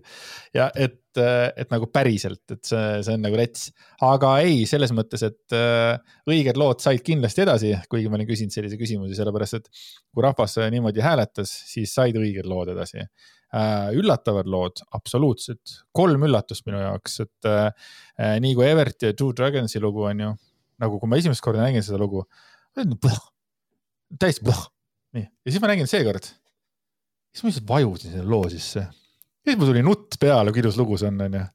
et äh, tõeliselt imeline lugu, ma ei tea, mis asi, kas see nagu see, see lavaline ja, ja kuidagi oli vaja sellesse loosse süübida ja vajuda ja siis sa nagu saad aru, et see on, lugu on amazing. nagu mm., aga täielik üllatus äh,. Anett Vaikmaa, noh, minge Twitterisse, küsige, kas Sven Lõmmus äh, tuleks eemaldada Eesti Laulult või mitte, onju. ja siis see ikka populaarne vasta, vastus on ikka, et jaa, Sven Lõmmus ikka ei kõlba kuhugile ja juba lõpetage ära see Sven Lõmmus ja üheksakümnendatel läbi ja siis äh, minu ebapopulaarne arvamus on see, et Sven Lõmmus võiks äh, rahulikult käia oma lugusid edasi teha, et äh, vahepeal tal joppab ja minu arvates see lugu oli üks hääp, hääv joppamine. sel-, aga ma olen hästi selles mõttes äh,. Ähm, okei okay,, ma siis niimoodi, Anett Vaikmaal oli üks teine laul, laul, mille nimi oli Viimane tants mulle väga mhm. meeldis see lugu ja see lugu oli täpselt samasugune nagu noh, üks-ühele ja siis ma nagu okay., ma nagu läksin selle nagu vibe'iga kaasa vaata, et nagu tegelikult ega see noh, on ka paremaid lugusid olnud. ja Peter Põder, super, mulle see meeldis see lugu esimesest hetkest saadik, kui tuli, nii et aga see, et jälle üllatus nagu, et tõesti kõik ootasid kartuuni või, või Siciliat, mis oli fantastiline igast otsast, kus sa vaatad seda, eks ole. tuleb ette Sicilia lugu Fommo või? sul mm.? Vist jah, või ei tule, sorry, ei, ei. selge, et selles mõttes äh, vahva ähm,. aga ma ei tea, mõtle pärast juhtub nii, nagu juhtus kunagi. et näiteks äh, Robin Uhkental sai kunagi äh, Sireniga, tuli kuskilt musta hobusena, eks ole, kappas läbi, et noh. jah. et äh, Peeter Põder siis Eurovisioonile aga mina ise, noh, et äh, aga see, et puuluup läheb, see on suht kindel kuigi Olli võiks ka minna, mulle väga Olli meeldib, ta teeb väga ja, head mussi. Olli puhul mind häiris see, et kõik irisevad selle kõrval jälle, et kõik, ma räägin nagunii mingist kahest-kolmest inimesest, aga teeme, et kõik irisevad, et oo oh,, täpselt sama laul, mis eelmine kord. So, nagu töötas, siiamaani töötab. Yeah.. Sorry, aga Venomist mul oli üsna pohhu, aga see lugu mulle meeldib näiteks. Yeah.. tal oli vaja seda esimest lugu, et ma, et mind võtta sellele sõidule kaasa, eks ole, ja kui sa lähed sellega Eurovisioonile, Olli läheb Eurovisioonile sellega, siis on ju tore, kõik tulevad samasuguse puhta lehena ja ei ole mingit midagi, et nagu Venom, eks ole. noh, kõik laulud meenutavad midagi tegelikult, kui me tahaksime väga midagi no, otsida, et vähemalt tal on nüüd nagu oma selles... asi, mida meenutada, vaata. kui me hakkame nüüd nagu tõsiselt nagu mõtlema, et siis kui palju on laule, mis ei ole eelmise aasta mingi laulu moodi, et nagu kuulge, see on ikka noh, see, see täpselt sama laul, no esiteks ei ole. ja, ja teiseks, mis siis noh, ongi jah, Rammstein ja skuuter teevad siiamaani põhimõtteliselt sama lugu väikeste muudatustega. Donkey Balls. just, nii et õiged lood. Wow, okei davai, aga nüüd äh, enne kui me hakkame rääkima õpetajate streigist äh,, siis äh, äh, tuleks korra kiiresti läbi käia väikene mõttearendus, mis oli Kertu Enese poolt äh, eelmise nädala Eesti Ekspressis ehk siis seitseteist äh, jaanuar ja siin ta räägibki sellest streikimise asjast. eestlaste streigikogemus võrreldes paljude teiste arenenud riikidega on napp, seega pole imestada, et streigikommunikatsioon on lappama läinud ja kujunenud õpetajaameti suurimaks diskrediteerimise kampaaniaks. emotsioonid on kasvanud üle pea. mis kõrva taha on jäänud? Õpetajad ei saa süüa ega magada, sest nad parajasti, sest kui nad parajasti ei seisa klassi ees, parandavad nad töid, annavad igale õpilasele personaalset tagasisidet, valmistavad ette järgmist tundi, koostavad õppematerjale, lasevad end koolitada ja nii edasi ja nii edasi ja nii edasi. see on nüüd see, et mis on kõrva jäänud. Märt, kas nii on ka? Osaliselt kindlasti jah, et selles mõttes ma ei saa üdini nagu sellele vastu vaielda, et noh, selles mõttes kui oled uus kuulaja, äh, ma olen abielus õpetajaga, kel, kes noh, praegu selles mõttes on, äh, on küll vanemapuhkusel ja, aga et ma olen kõrvalt näinud seda, et tegelikult kui on, äh, on olnud ikkagi päevi, kus kohas kell kaheksa õhtul kodus lõpetab abikaasa töö. Aga ta lõpetab töö ära, sest et ta ei viitsi rohkem, ta ei, või noh, mitte ei viitsi, on valesti öeldud, see on vale kõla, ta ei jaksa rohkem ja siis ta on, mingid ülesanded on lükatud juba järgmisesse päeva, et noh, tegelikult ikkagi seda tööd on kodus ka väga palju. aga ja, on küll kõrva jäänud, et äh, just see, et noh, noh, nad on imeinimesed. Äh, järgmine punkt, õpetajad, õpetajaid kiusavad lapsed, eriti need, kes pärit äh, tõuslikest peredest või on hariduslike erivajadustega. Mm.. no sina kui siukene kõrvalnägija, kui, kui suur see kius äh, on huvitav, keskmiste õpetajatel olemas, aga, aga alati on olemas mingid ekstreemsed lood, vaata. noh, saame aru sellest, on, on olemas lood, kus nagu päriselt süstemaatiliselt kiusatakse mingeid õpetajaid, mingite õppijat, õpilaste vanemate poolt ja õpilaste poolt ja nii edasi. seda tuleb ette küll jah, sest et äh, mul oli äh,, noh, üks hea näide on see, et äh, niisugune olukord näiteks, et sul on koolis on õpilane, kelle näiteks lapsevanem on teise kooli, äh, mõne teise kooli direktor uh.. ja siis ta sisuliselt, äh, noh, laps käib teises koolis ja ta sisuliselt lihtsalt hoiab et nagu siuksed asjad ikkagi võivad nagu aset leida. vanemaid on igasuguseid, vanemad võivad kiusata, lapsed võivad teada, et võib-olla õpetajal jäävad käe lühikeseks mingis olukorras ja siis eks ikka jah õpetajaid kiusavad vanemad, eriti need, kes oma laste käekäigust ei hooli ja need, kes oma õsukestele parima hinde või kohtlemise saamiseks koolis advokaatidega ähvardamas käivad. et sellest on ka lugusid olnud, eks ole. Äh, õpetajaid kiusavad poliitikud, muidugi selleks, et need, neid lihtsalt alandada. Hmm, okei okay., õpetajad ei saa mitte kunagi jääda pensionile, kuigi tahaks, sest uusi õpetajaid asemele ei tule. õpetajatel tegelikult ei lasta koolivaheaegadel päevagi puhata, õpetajate töö on kõige raskem töö maailmas. Need on siis need nagu kuidas Kertu Enesel on siis nagu kõrva taha jäänud sellised äh, mõtted. Äh, samas kõlab ka, kõik õpetajad on kangelased ja kõik õpetajad on suurepärased inimesed, kes armastavad lapsi ja on siiani teinud oma tööd vaid missioonitundest. Järelikult õpetajad väärivad suuremat palka, aga kas isegi ligi paarsada eurot palgatõusu aitab õpetajatel koormat taluda? kas kõik ülalmainitud probleemid kaovad võluväel? kas see palgatõus paneb noori õpetajaks õppima kas see motiveerib õpetajahariduse omandatud, äh, omandanuid kooli tööle minema, sinna pidama jääda? kas see paneb mugavustsooni langenud õpetajal? Äh, jah, ka neid paraku siiski on, kes annavad tunde sama ettevalmistuse pealt, äh, nagu nad seda tegid kakskümmend viis aastat tagasi, end arendama ja aktiivõppe meetodit reaalselt kasutusele võtma. et jälle küsimused ja küsimus sulle on näiteks, et küsimus nendele vastust on sul anda mm.? No selles mõttes, mis puudutab ähm, seda, et kas paarsada eurot palgatõusu aitab õpetajatel koormat taluda, nagu selles mõttes raha võib inimesi motiveerida küll jah, et ma nagu ei näe äh, ma nagu ei näe päris seda argumenti, et noh, et sa saad rohkem raha, aga kas sa siis nagu läbi põled ju ikka, no see võib ka juhtuda, aga, aga üks hästi oluline osa nagu läbipõlemise juures on see ka, kas sa oled motiveeritud tegema seda tööd, mida sa teed või mitte. et see on hästi oluline seal. Äh, kas need probleemid kaovad võluväel? ei, aga nagu me võiks tegeleda hariduskriisiga, mis meil on Eestis. Äh, kas palgatõus paneb noori õpetajaks õppima? selle vastus on see, et ideaalis küll jah aga praegusel hetkel on Reformierakond andnud nii selge sõnumi, et meile õpetajad ei tähenda mitte la persetki. et, äh, et suht nagu sellel tasemel on õpetaja ametile pandud nihuke jurakas vastu vahtimist, et noored juba praegu, kes koolis võib-olla tunnevad, et kurat, et ma olen nagu kahe vahel, et kas minna õpetajaks õppima või õppida seda oma eriala või, või õppima seda varianti B siis ta praegu juba näeb, mismoodi riik suhtub sinu nagu esmasesse valikusse ja ta läheb B peale siis sellisel juhul, isegi kui see palgatõus tuleb.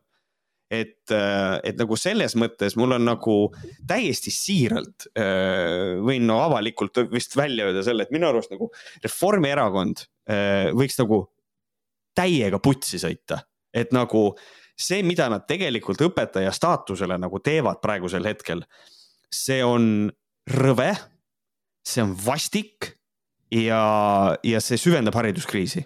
Congratulations, laske käia, laske siis see riik põhja. ja siis pärast ongi imetlevad, imetlevad, vabandust, imestavad, et huvitav küll, et kuidas meil reiting kogu aeg kukub. Because you are being a bunch of fucking dicks.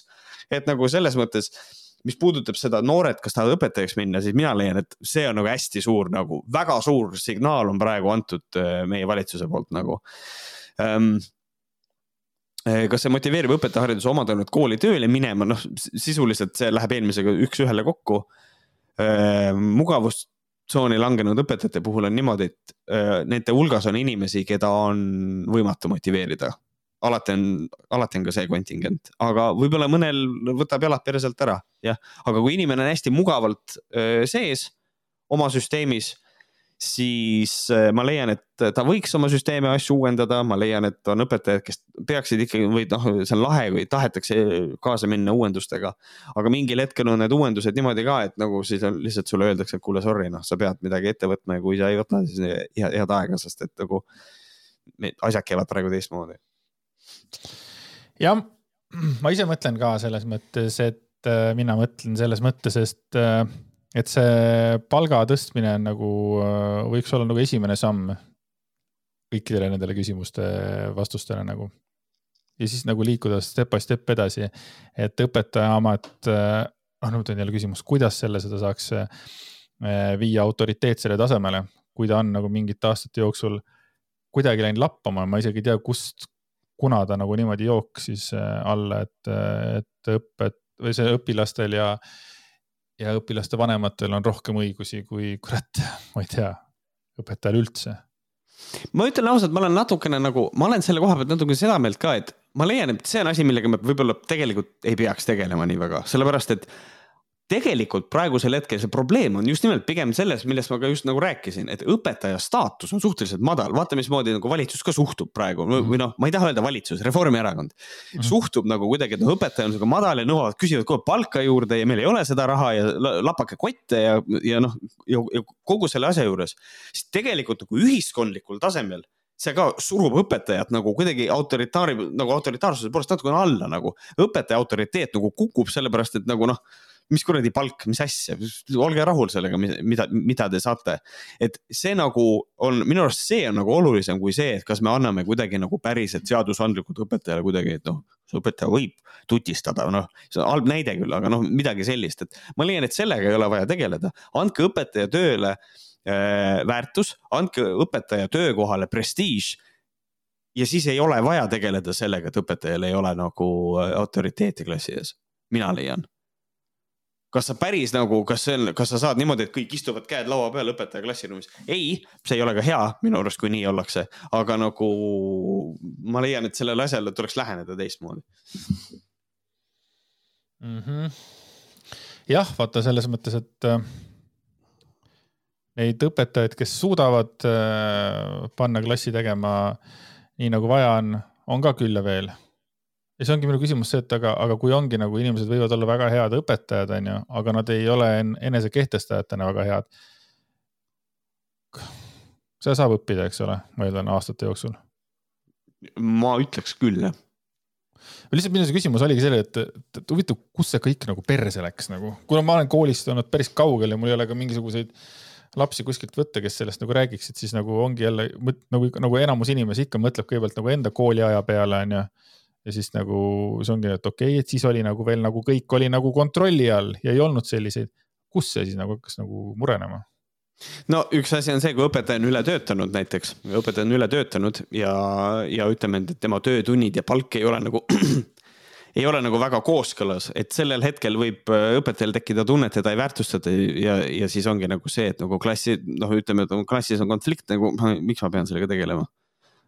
nagu see on klassik see, et ma ei saa palka piisavalt selle jaoks, et praegu sellega, selle sihukese pasaga tegeleda reaalselt. et noh, et seal võib ju selliseid loobumisi ka olla mm.. nojah aga. aga kogu see, tegelikult ma nii palju ka veel, kogu see asi on tegelikult, kogu see õpetajate streigi teema on minu jaoks nagu nii veider nagu selle pealt ka, et eh, muidu eh, näiteks selline inimene Twitteris eh,, Geenius meedias töötab, on nagu, nagu Ronald Liive, kes on muidu nagu sa kindlasti oled näinud seda meemi, mis on see, et a horrible person makes a good point. et nagu, et, et noh, et lihtsalt, et inimene, kellega noh, noh, see on lihtsalt nagu Varro Vooglaid ütleb, et karusloomafarmid tuleks kinni panna, siis on nagu see, et oh, et tead, muidu on, mis ta on, aga näed, vaata see, mis ta ütles, on nagu jumala, jumala õige. et noh ja siis tuleb mängu inimene ro, nagu Ronald Liive, kes teeb täpselt vastupidist, et inimene, kellega ma olen nagu üldiselt kogu aeg nõus gives the most talk shit take ever ja ja see juhtus täna Twitteris, hea näide. Eh, kas sinu palk tõusis eelmisel aastal kakskümmend viis protsenti? kui jah, siis kas sina ka streigid täna, et palk tõuseks veel kümme protsenti? ja see mul, minus tekibki hämming just nimelt sellega, et mismoodi Liisa ütles jube hästi selle kohta, kuidas targad inimesed on nagu nii lollid selle, nagu see kogu selle streigiga nagu asja koha pealt. et selle streigi eesmärk ei ole ainult see, et me palka juurde saaks. selle streigi eesmärk on näidata seda, me oleme üle töötanud. me saame vähe palka, meil ei tule järelkasvu. Eh, riik peab sellega tegelema, meil on hariduskriis. see on kõik see, on üks, üks tervikkompott, miks praegu streigitakse. ja siis tuleb mingisugune inimene who fucking crunches numbers ja siis on nagu see, et oo oh,, et tal tõsteti palka, et see on nagu ja siis ja eriti rõve on see, Jürgen Ligi on stuudios ja valetab, et ei, äh, see, see keskmine palk ei tule ületundidest.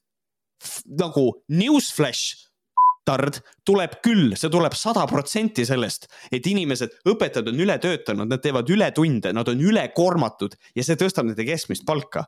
et nagu selle pealt nagu lihtsalt konkreetselt valetatakse ja see on nii kohutav. ma, ma lihtsalt ei, ei, ei saa sellest aru. Fuck you, kõik, I m done, thank you ja, aga nüüd äkki liiguks siis sinna, et eh, mis seis üldse sellega on, et eh, Märdil oli palju seisukohti ja ma tegin sellise väikese greatest hits'i väga mitmest artiklist kokku, et eh, me oleksime kõik sama ree peal. et eh, kui veel keegi ei tea, siis täna, kahekümne teisel jaanuaril sai alguse tähtajatu õpetajate streik ja Eesti Haridustöötajate Liit on ametlikus streigiteates esitanud töötüli lahendamiseks tingimuse tõsta palka.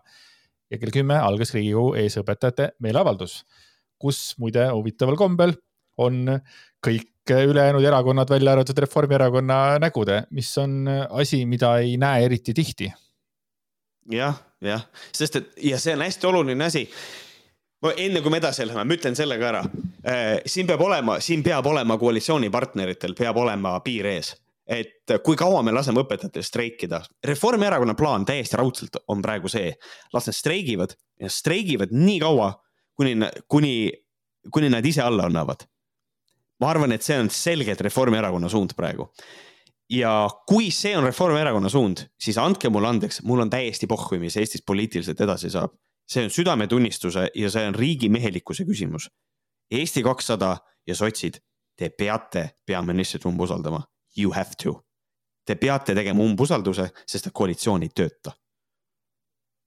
Lähme edasi.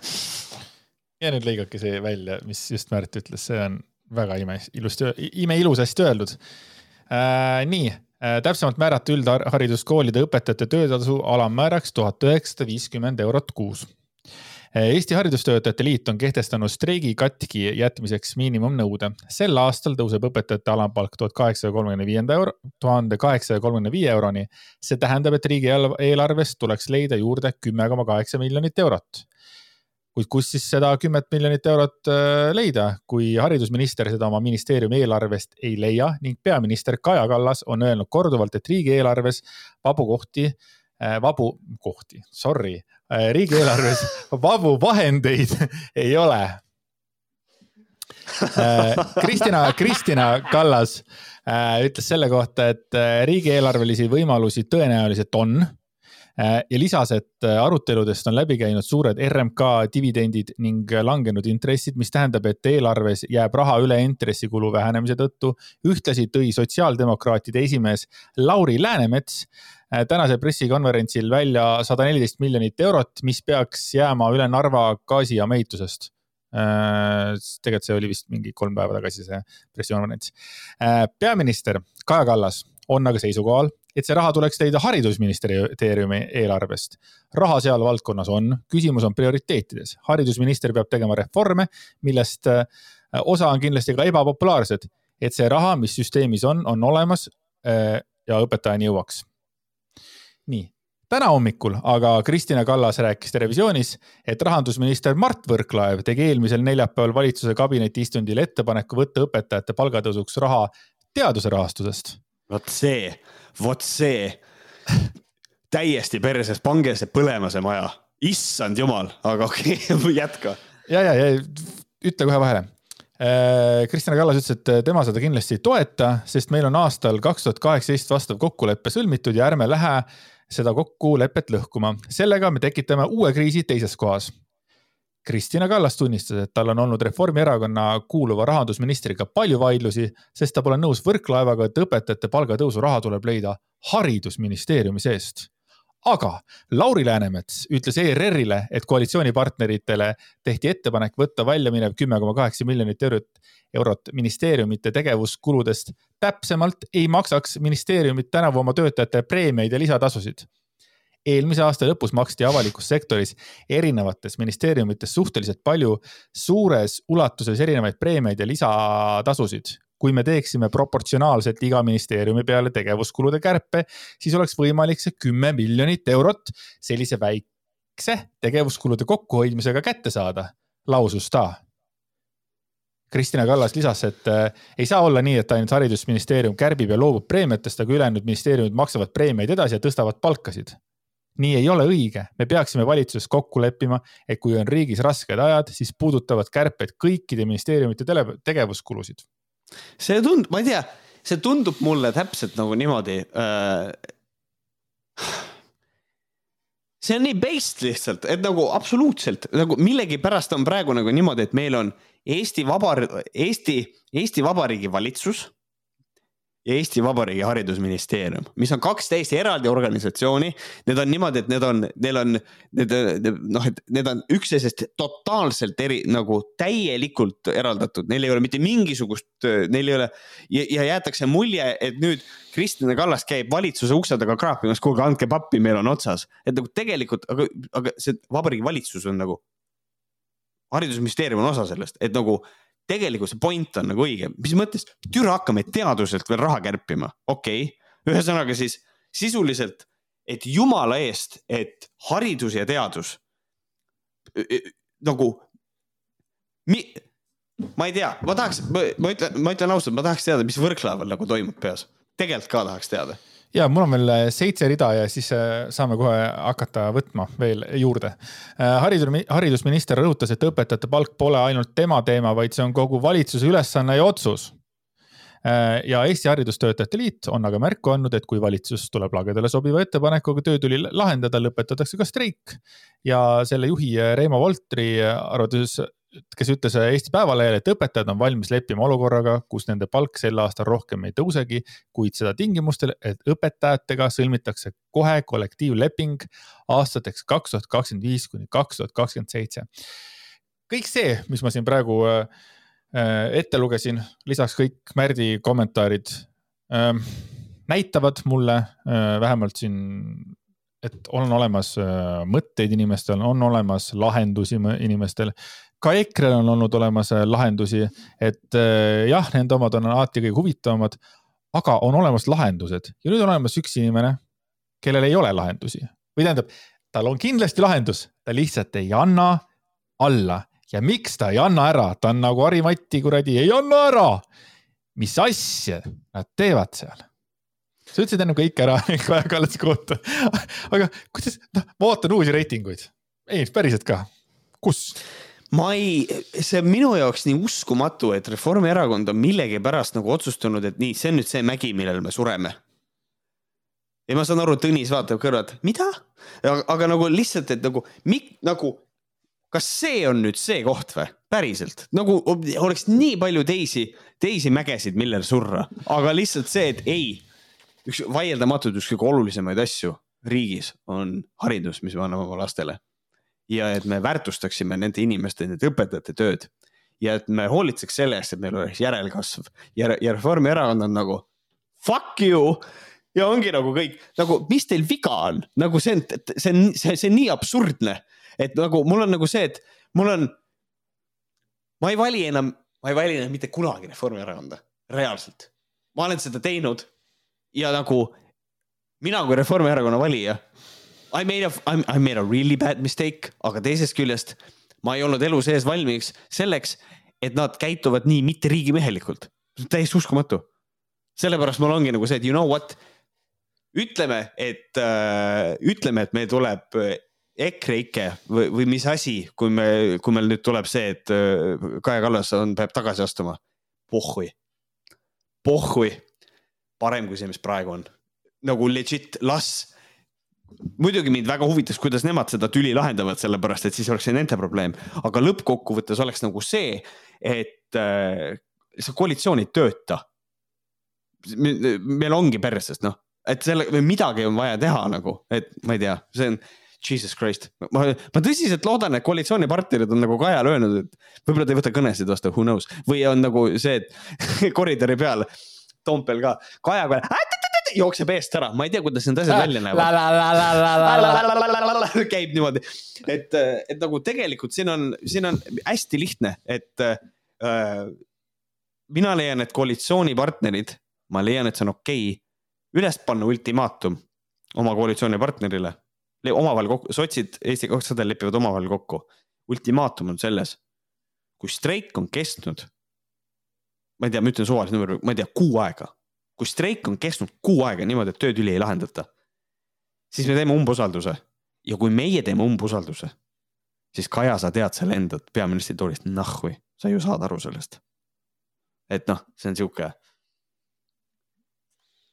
jah eh,, hommikul täna vaatasin eh, seda hommikusaadet eh,, mis see on, Terevisioon äkki või, jah tee pealt. Ja seal oli niimoodi, et neil oli vist nagu pidupäev oli hommikul, ma kujutan ette, kuidas on hommikul juba pool tundi enne neil tort oli laua peal, et täna me lihtsalt näitame erinevaid koole, Võrus, kuidas täna on ja siis on see, see seal koolis ja selles. ja siis vaatasin selle ka intervjuud Kristina Kallasega ja siis mu esimene mõte oli see, et kas see on see mägi, kus Kaja Kallas nagu sureb või? nagu see mägi või? ja siis, kui sa hakkad sellest rääkima, siis, et no oh well, noh, ilmselgelt nagunii see ei olnud minu mõte, vaid see oli kunagine kuskil mingi sinu mõte, mille ma olin enda omaks teinud, aga mu mõte oli täpselt sama, et nagu see, see on siis see, kus sa sured või?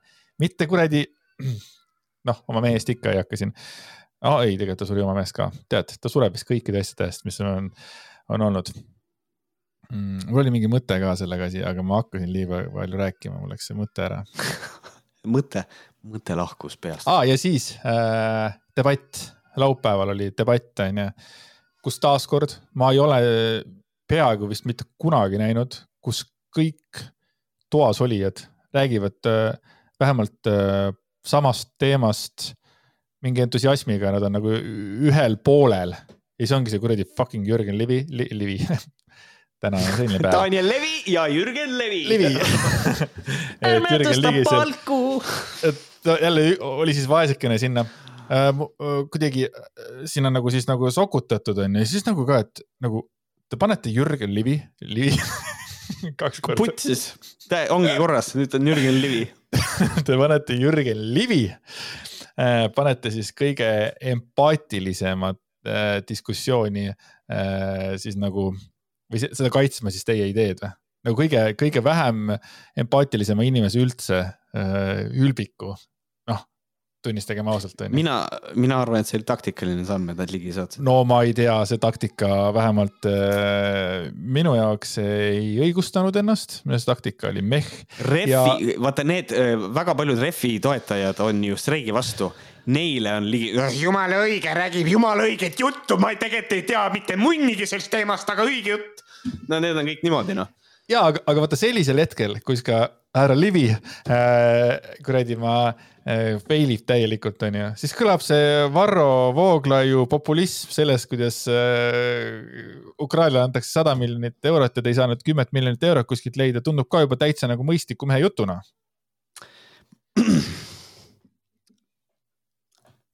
ma ei taha nõustuda sellega aga ma nõustun sellega, sellepärast et tegelikult ka noh, et see on nii, see on nii ebameeldiv, noh, selles mõttes ei noh, ma ei ole äh, Vooglaiu statement'i taga üldse. ei, sama äh, siin aga, aga lihtsalt, et selles kompotis küll jah, on mm -hmm. nagu see, et nagu türa noh mm. -hmm et noh, see raha tegelikult on, on, tegelikult on olemas, aga, aga vaata nende preemiate ärajätmisega poliitikutel on tegelikult ka hästi suur jama et inimesed ei arvesta sellega, et kui nad ei saa neid preemiaid, nad ei saa oma Lexuse kuradi, noh oma Lexust kinni maksta, et noh.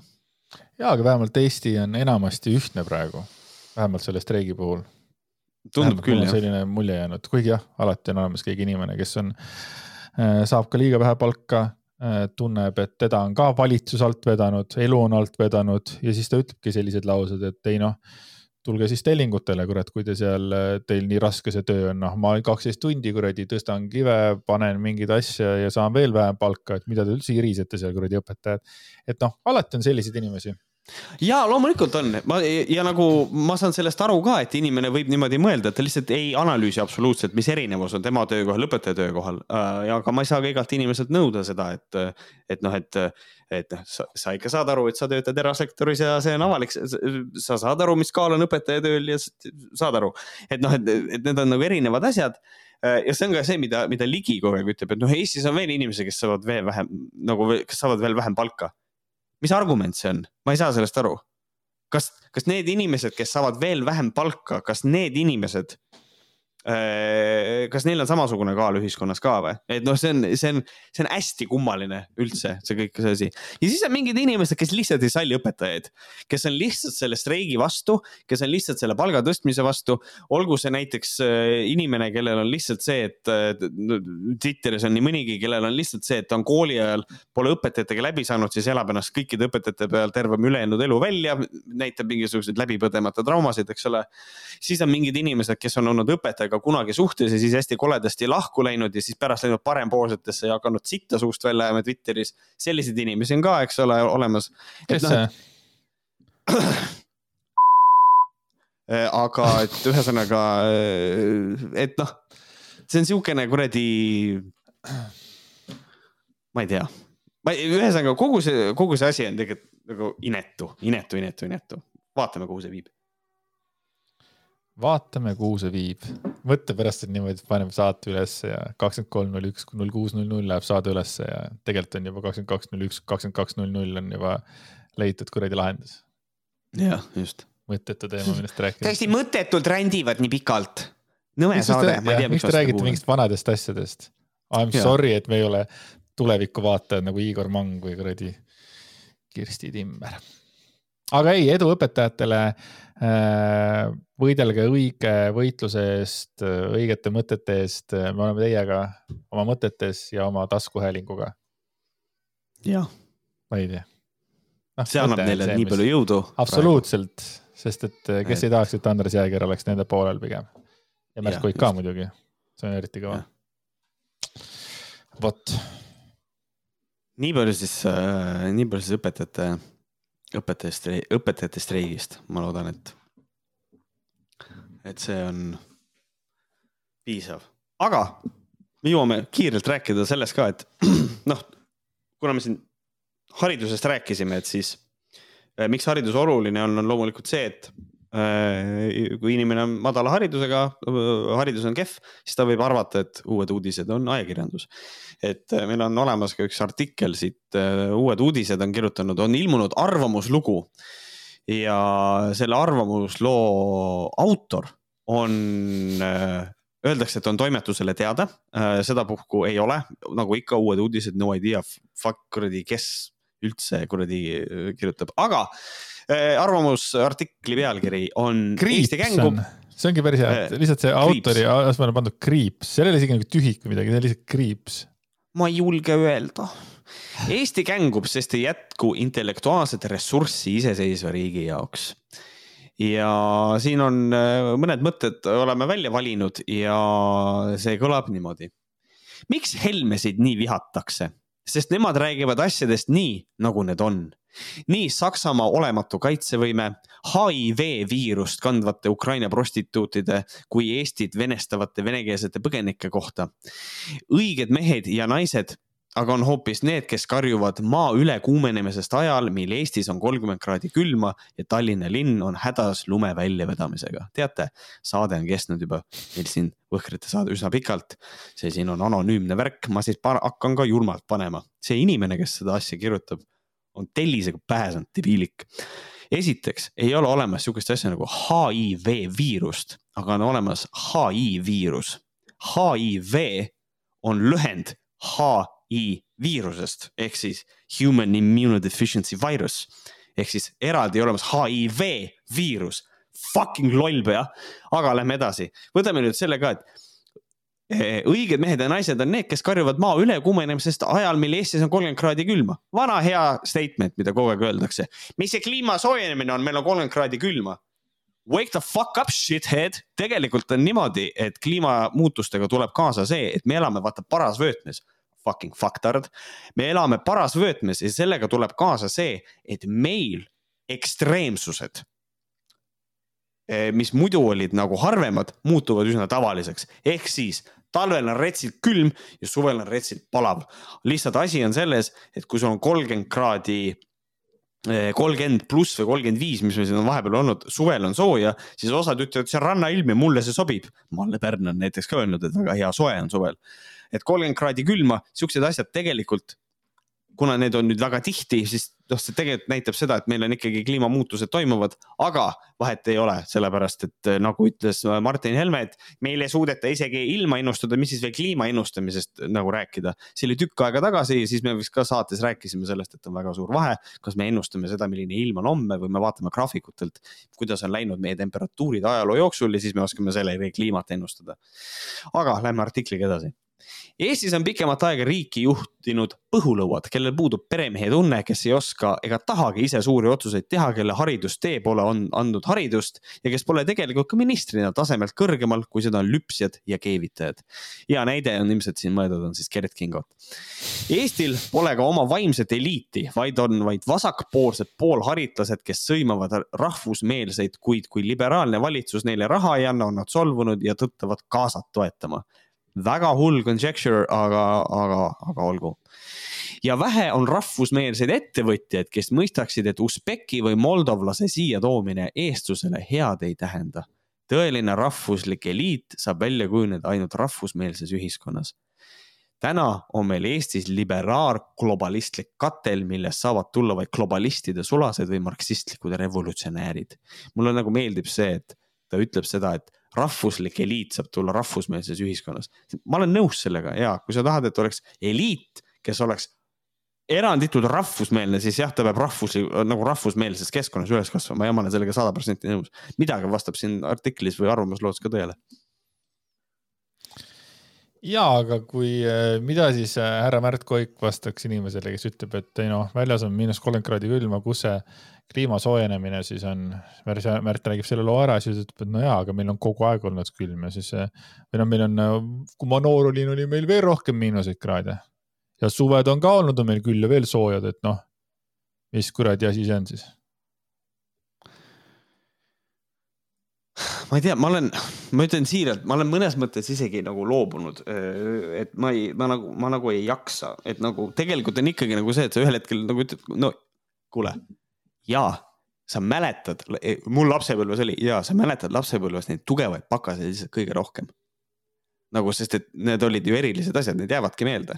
aga siin, kui sa hakkad siin mõtlema miinuskraadide peale, mis meil on talvel nagu on olnud, siis on nagu see, et aa jah, kolmkümmend kraadi oli külma, millal see oli, kas see oli eelmine, kas see oli eelmine talv üle-eelmine, siis sa saad aru, et noh, tegelikult nagu, nagu, aga see ongi nii olnud, et nüüd, et kuidagi, ma ei tea.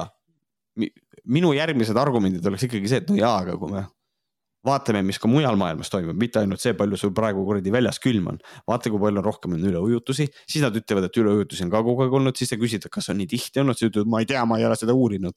et nagu selles mõttes, mõnes mõttes paraku see on niimoodi, et kui äh, see, see kogu see narratiiv, et see on mingi, et, äh, et kliimamuutused on nagu mingisugune narratiiv ja et see on nagu fake, noh, ühesõnaga nagu vandenõu, et see on mingi vandenõu ja asi. Nende inimestega sa kukudki nagu sellesse ämbrisse, et noh, nad on nii palju vaadanud uh, neile sobivaid graafikuid, et noh, ühesõnaga see ongi nagu suht fruitless, suht viljatu värk on nendega vaielda. ja, täitsa saan aru, mis sa mõtled sellega. küll aga ma arvan, et iga inimene nõustub minuga selle pealt, et, et kui on, kui me räägime, et on põud ja siis äh, ühel päeval sajab äh, viis minutit. Et siis selle viie minuti jooksul ei ole adekvaatne öelda, et aga vaata õue, kus see põud sul on, et noh, see ei ole adekvaatne ega normaalne viis, kuidas nagu osaleda selles vestluses. aus, aga kes on veel ausad mehed, on äh, meie Helmed mehed. ja, jah, valvehelmed ja nemad ikka vahepeal räägivad seal äh, räägime asjast saates asju. Ja teise nädala saates äh, tulid nad ette selliste mõtetega nagu näiteks. tervet Eesti rahvast solvas see, et Zelenskõi jäi kakskümmend minutit parlamendi ees esinemisele hiljaks ja see on täiesti kohatu käitumine sõpradega niimoodi ei käituta. E ma, ma isegi ei tea nüüd, kas see päriselt on ka niimoodi, et, et üle neljakümne aastane mees ja saja aastane mees tegelikult ka ütlesid sellist lauset või? see on, äh, sõpradega niimoodi ei käituta, vot ma ei, tere, ma ei kujuta ette, see, see lihtsalt nagu, see asi nagu minu jaoks eskaleerub juba nagu sinna, tahaks, tahaks nagu, tahaks nagu kallale minna või nagu kuidagi nagu selline, noh, see on lihtsalt nagu. ma ei tea, ma ei tea, ma ei tea, see on lihtsalt, mul ei, mul ei ole sõnu lihtsalt, sõpradega niimoodi ei käituta nagu, aga võib-olla võib-olla teise, aga võib-olla sõber annab andeks, kui keegi jääb kakskümmend minti hiljaks. selle peale oled mõelnud või? äkki sa ei olegi sõber lihtsalt? ma ei tea mm, -hmm. mida iganes. Äh, riigikogu juhatus äh, oleks pidanud selgelt ütlema, et Zelenskõi tulgu kohale istungi toimumise ajal. kui sel ajal tulla ei saa, siis ärgu tulgu nagu.... aga minu teada ei olnud äh, seal kohapeal käimine ka oluline nagu või mitte oluline, vaid kohustuslik et minu arust EKRE-kad oleks võinud vabalt ära minna, mida nad kusevad. aga saad nad... aru, aga saad aru no. jultumusest nagu selles mõttes selle, et pane nüüd kogu see, kogu see hullus, mis on toimunud kaks aastat nüüd vist või, no kaks või? kaks tuhat kakskümmend kaks, kui Venemaa tuli mm -hmm. tungis on ju, noh, põhimõtteliselt kaks aastat. ja siis nad lihtsalt ründavad Zelenskit selle eest, et noh, ju siis mingi ajakavas oli mingisugune delay, noh, mis iganes põhjusel see ka ei olnud, on ju et yeah. kui sellel ajal tulla ei saa, siis ärgu tulgugi nagu For real? hästi veider äh, miks pärast seda, kui Zelenskõi oli Karise ja Kallasega juba kohtunud, nad üldse veel Riigikokku teda kuulama tulid? selle, see on austusavaldus on selle nimi, aga ma saan aru, Helmet ei tea austusest mitte midagi. ei noh, ma jah, muidu ta oleks Donald Trump tulnud, vaata. Helme oleks taga, mõlemad Helmed oleks rääkinud see ukse taga värk, särk ja siis noh, oh well, nüüd hakkab, Trump hakkab vaata mind kõnet pidama, lähen minema. kui mm -hmm. nad läheksid, kui nad läheksid jah, ega nad ei läheks nagu, ega nad ei oleks Zelenski puhul ka ära läinud nagu, nagu selles mõttes see on nagu nii, aga populism, populism, populism. kas Mart, kas Mart Helme on nii julge mees, et oleks öelnud ka Zelenskile, et kuule, et need sinu need äh, kaasmaalased, need kuradi litsid, vaata, tulid siia kuradi Saaremaale kuradi HIV-viirust jagama, noh või? nagu päriselt ma ei usu, ma ei usu. ei, no ma usun ka, et ta elu sees ei ütleks nagu. aga Kaja Kallas kinkis Zelenskile ühe koma kahe miljardi eurose särgi ma ei tea, mida see tähendab. Äh, julgen öelda, et see on faktiviga, aga ok. ei no jaa, aga see on nagu selles mõttes, äh, noh, ma saan aru, mida ta mõtleb selles, selle, selle koha peal. et noh, ma olen, sa saad ka aru, eks ole, ma ei hakka sulle sellest, ma ei hakka sulle selgitama, selge. Äh, kõik kokku, sulgudes Zelenski visiit, jättis meist banaanivabariigi mulje Eesti oli jälle nagu viienda järgu banaanivabariik, mis endast lugupidamist ei oska mingilgi määral ilmutada. ma ei tea, minu arust kogu politseioperatsioon oli suhteliselt äh,, suhteliselt cool, väga äge, äh, sellest tehti Pealtnägija veel äh, saatelõigu ka, see oli, see oli väga äge haiglas oli valmis palat Zelenskile juhul, kui keegi mürgitab teda või kui keegi laseb teda. nagu haiglas oli üks ruum valmis Zelenski jaoks, juhul kui midagi juhtub. meil on väga ilusasti valmis äh,. nagu banaanivabariigist on asi kaugel, aga, aga ma ei tea. keegi, türa kinkige helmetele kastitäite viisi banaane, et nad saaks oma banaaniisu täis süüa, sest et mulle tundub, et nad õudselt armastavad banaani nagu ta tegi jah. jah ja muidu me peame Ukrainat toetama, aga relvi ja finantsabi riik anda ei tohi. see on ka muidugi. aga noh, sellest nad on rääkinud kogu aeg, et see ei ole mingi, see ei ole midagi üllatavat, tähendab ükski nendest lausetest ei ole üllatav mm.. kuigi see, et see, tegelikult natuke oli üllatav see, kui, äh, oota, kus see oligi, no jah, kui Kalle Grünthal küsis ka, et miks ta siia üldse kutsuti nüüd Enski kohta ja sellist asja, et noh, see kõlaski nagu sihuke nagu Kalle Grünthali asi onju. nagu või see mm. Anti Poolamets hakkas vist virisema kõigepealt sellega, et jäi hiljaks, onju. jah. jah, miks ja siis miks me peame teda töövälisel ajal kuulama, siis mõtled, okei okay,, et noh, need on need vennad ja siis helmed istuvad jälle oma kuradi räägime asjast pulli taha ja räägivad sama juttu. aga äh, Varro Vooglaid ka siis tegi mõned äh, mõtted selle Zelenski siinkäigu kohta äh, ja ütles, et äh, Venemaal on Ukraina või noh, ma ei tea, kas see oli päris Zelenskiga seotud mitte selle siin käigu kohta, lihtsalt Venemaal on Ukraina sõda väga põhimõttelise tähtsusega. Äh, Ukraina võit lõppeks katastroofiga. suurim oht Eestile on äh, USA sõjaväebaasid. kas Krimm on üldse kunagi Ukraina oma olnud? miks peaks Venemaa tahtma Eestit okupeerida? ja tegelikult oli neid äh, mõtteid oli veel. Neid oli veel jah.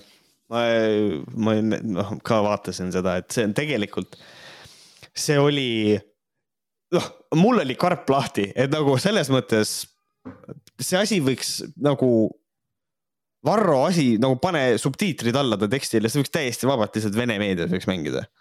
et see on nagu noh, tegelikult ikkagi jõhker, kõik need jutupunktid on ikkagi nagu, nagu väga täpsed ja nagu ikkagi suht samad, et noh, et suurim oht Eestil on USA sõjaväebaasid, sellepärast et Venemaa tunneb, et ta on ohustatud selle pealt. aga me oleme suveräänne riik, me võime teha, mis me tahame selles mõttes kui meie otsustame, see on nagu, see on nagu mingi suveräänsuskonflikt. kuidas me oleme suveräänsed, kui me laseme USA sõjaväebaasid siia panna, sest me oleme suveräänne riik, kes on otsustanud ja me tahame, et see on nii. Done, mida sa klähvid, tehtud. et nagu see on, see on nii veider äh, üldse, Ukraina võit lõppes katastroofiga. Ehm, okei okay,, kelle jaoks katastroofiga, eks ole, sulle, sulle endale või?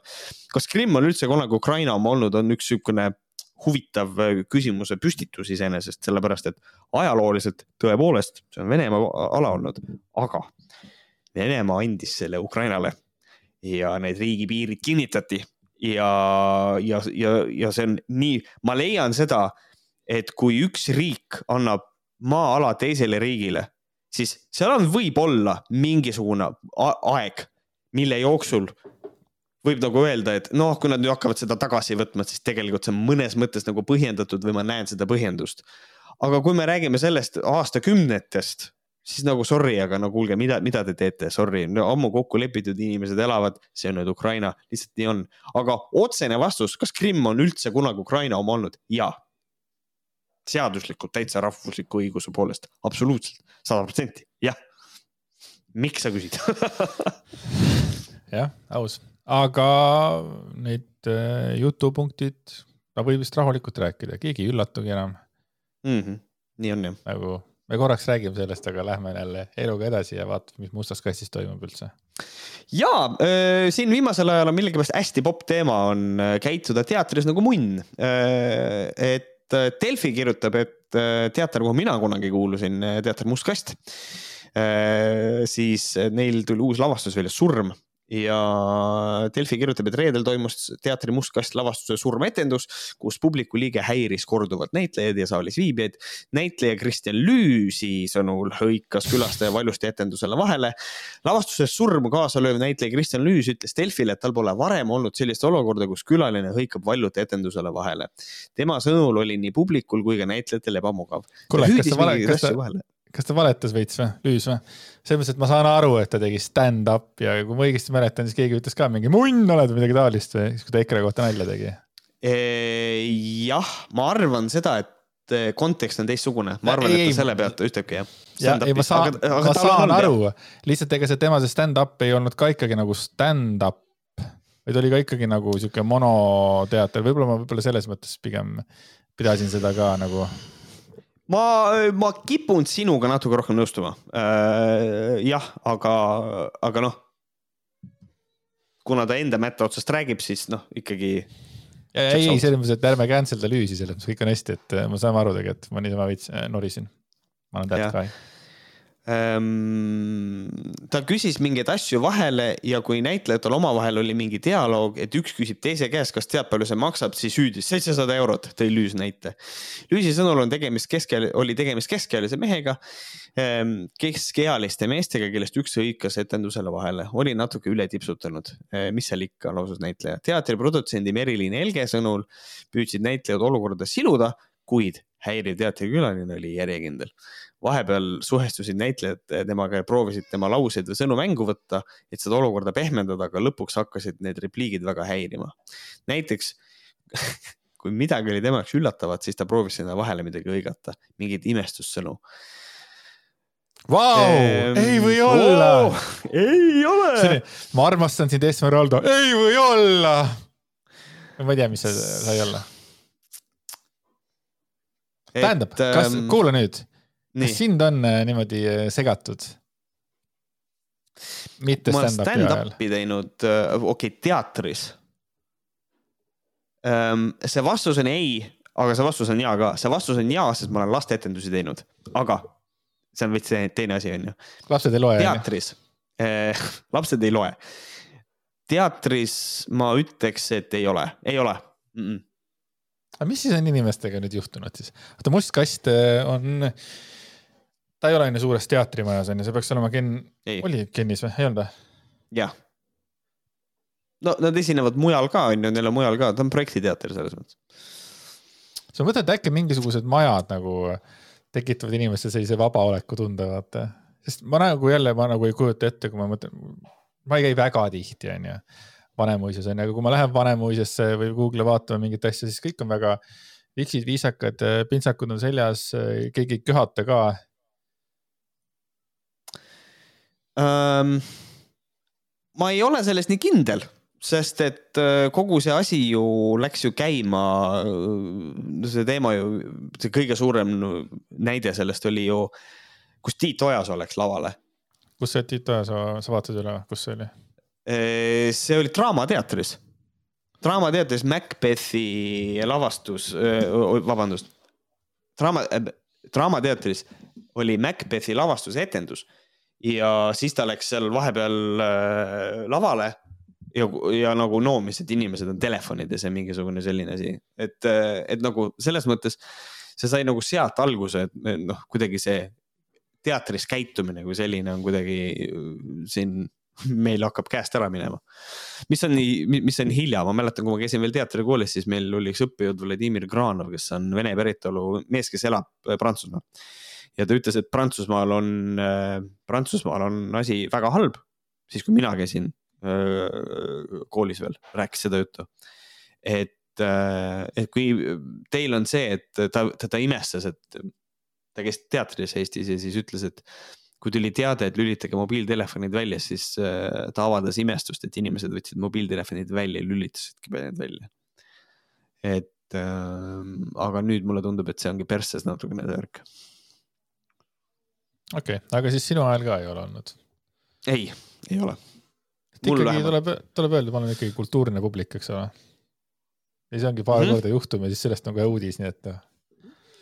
jah, jah.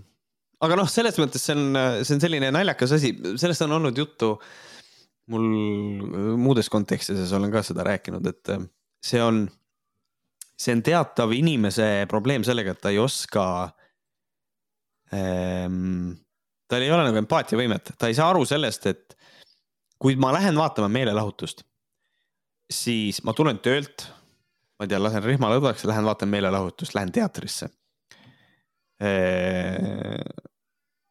aga see inimene, kes laval on, tema teeb tööd.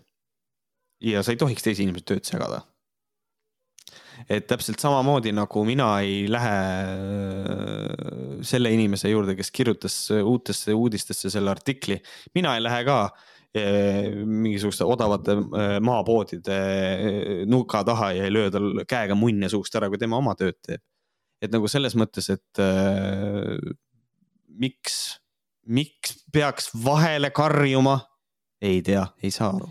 kunst on rahva oma, vaata ju siis, jah et, et ja noh, ja teine asi ongi see üks, üks hea näide sellest austuse puudusest on nagu seega, et inimesed jäävad teatrisse hiljaks.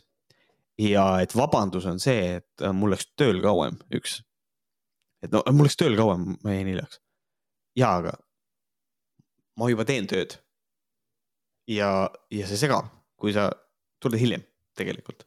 ja see on, ja see on huvitav, et ta tegelikult segabki, et ähm, sa käisid ju kui palju on saatanast. just, just. Jah, sa ju käisid seda vaatamas ja, ja ma mäletan, ma ükskord olin, ma tulin lavale ja, ja noh, mul ongi nagu see, et ma teen uksed lahti, ma tulen vaikselt lavale. vaatan oma äh, lavapartnerit, noh, kes tema tegelane mind nagu ei näe, on ju. Äh, ja ma mäletan, üks etendus oli, kus ma tegin uksed lahti. ja noh, seal on nagu see, et ma nagu kõnnin vaikuses, muusika mängib, tuleb vaikus ja siis ma vaikuses kõnnin. ja ma lükkan uksed lahti ja kuulan selle, kuulatan selle vaikuse ära ja saan aru, mingi sagimine käib. ja ma näen silmanurgast, et mingid inimesed lähevad mööda tribüüne ja ma kuulen, kuidas astmed on ja kõike see ja siis ongi nagu see, et noh, tegelikult see räigelt segab. ma olen professionaalne, ma saan sellega hakkama, aga see segab ikkagi räigelt ei, selles mõttes, kas noh, noh jah, kui on professionaal või mitte, et äh, ikkagi see, kui inimene ongi, teebki oma tööd ja see on millegile kontsentreeritud, et kui ta, see jah, ongi, kui ta ei ole professionaal, eks ole, siis see võib täielikult nagu liimist lahti lüüa, eks mm -hmm. ole. aga ei, ma olen sinuga sada protsenti nõus.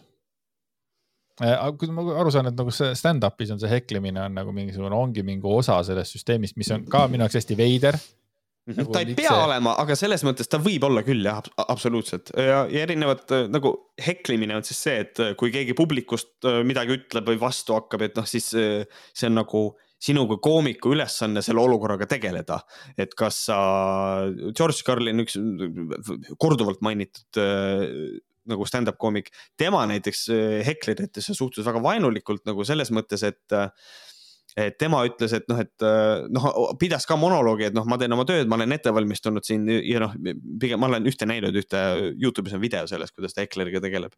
siis on koomikud, kes, äh, kes nagu, kui Hekler on, siis ta ikkagi nagu tegeleb sellega, äh, paneb ta kuidagi paika näiteks.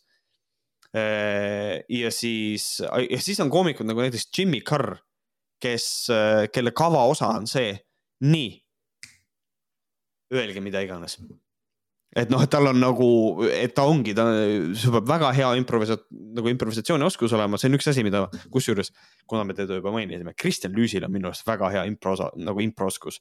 kui ta seda treeniks, ta võiks täiesti vabalt teha sihukest stand-up comedy't nagu Jimmy Carr teeb. et ähm,, et, et ongi ülesehitus täiesti niimoodi, et noh, et hakake nüüd heklima, noh, see on ta eesmärk seda esile kutsuda. et mina ei ole kunagi see koomik olnud, minul on olnud oma kava, oma jutt, ma räägin selle ära ja kui keegi midagi paugub, siis noh, ikkagi üritan, üritan midagi vastu öelda.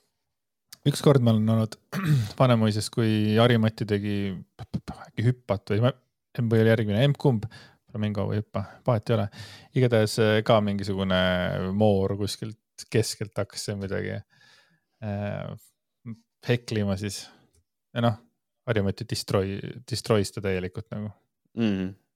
et seda on, siis alati mõtled, kas see on nagu osa sellest, aga noh, ilmselgelt ei ole, aga et ta tegi seda väga hästi ja seda on alati nagu hästi mõnus on vaadata, kuidas nagu äh, inimene pannakse paika, ükskõik kui hästi või halvasti seda tehakse, sa saad aru, et tere, et inimene teeb oma tööd praegu, tere, shut the fuck up, vaata.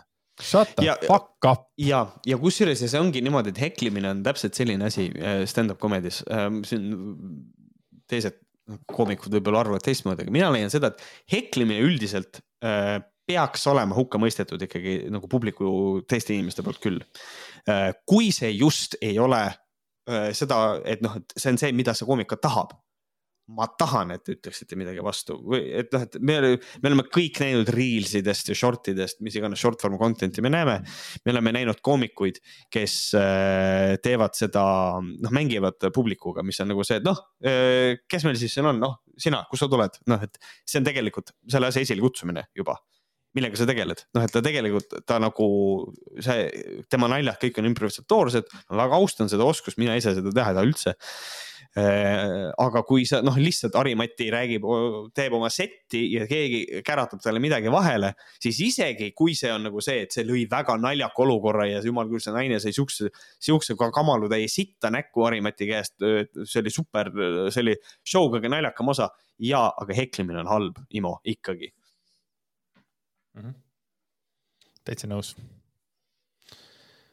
vot aga tead äh,, nii palju me saime teada, et Must Kast pakub reedese etenduse vaatajatele, kelle teatrielamus rikuti, võimalust minna tasuta uuesti surma vaatama. tahtsin selle mm, -hmm. selle teema nüüd ära lõpetada, sest me juba kadusime tegelikult sellest äh, mustast kastist äh,, liikusime eemale, kuigi vahepeal Kristjan Lüüsi äh, sissetoomisega tõid sa selle tagasi mm. -hmm. aga ähm, on meil mingisuguseid uudiseid ka rääkida inimestele, meil on Patreon, www.patreon.com, kaldkriips, Vohkarid või minge võhkarid.ee. võhkarid.ee, seal on äh, väga palju, väga palju head kraami. siis äh, kirja te võite saata, aga kuna te seda väga ei tee, siis äh, istuge sisse. Damn, vot seda, vot see on see pool Andresest, mida ma olen oodanud lihtsalt nagu oma audientsi pihta, you know what, suck my dick. Aa ei, tegelikult vahepeal meil ikka tuleb äh, meile, need on, kes annavad teada meile mingitest huvitavatest uudistest, aga mingisugust sellist mõnusat kirjakest, kus siis võib-olla kriitikat või, või kamaluga mingeid kallistusi ja mingit moosi meile keele peale hõõrutakse, et seda ei ole ammu olnud enam. ma ei tea Andres andis teada, et see on see, millest ta tunneb puudust. nüüd on postkast täis. I love you. I love you very, I love you very much. ja rohkem meil ei ole mitte ühtegi äh, uudist. jah, äh, oleme selle, oleme selleks korraks lõpetanud, ma loodan, et kõik on ma loodan, et kõik on oma, ma loodan, et kõik inimesed, kes on andnud oma uusaasta lubadused, on aru saanud, et mm, äh, ei tule välja see aasta äh,. ja ma loodan, et keegi meie kuulajatest veel Nii. vähemalt ühe korra see aasta soovib kellelegi head uut aastat äh,. jaa. aga kas Andresel on saate ei lõpuks? ei ole, seega ma siis mõtlesin, ei küsi. mõtlesin ümber. aitäh, et te meid aitäh. kuulasite. Davai, olgu, tšau. tšau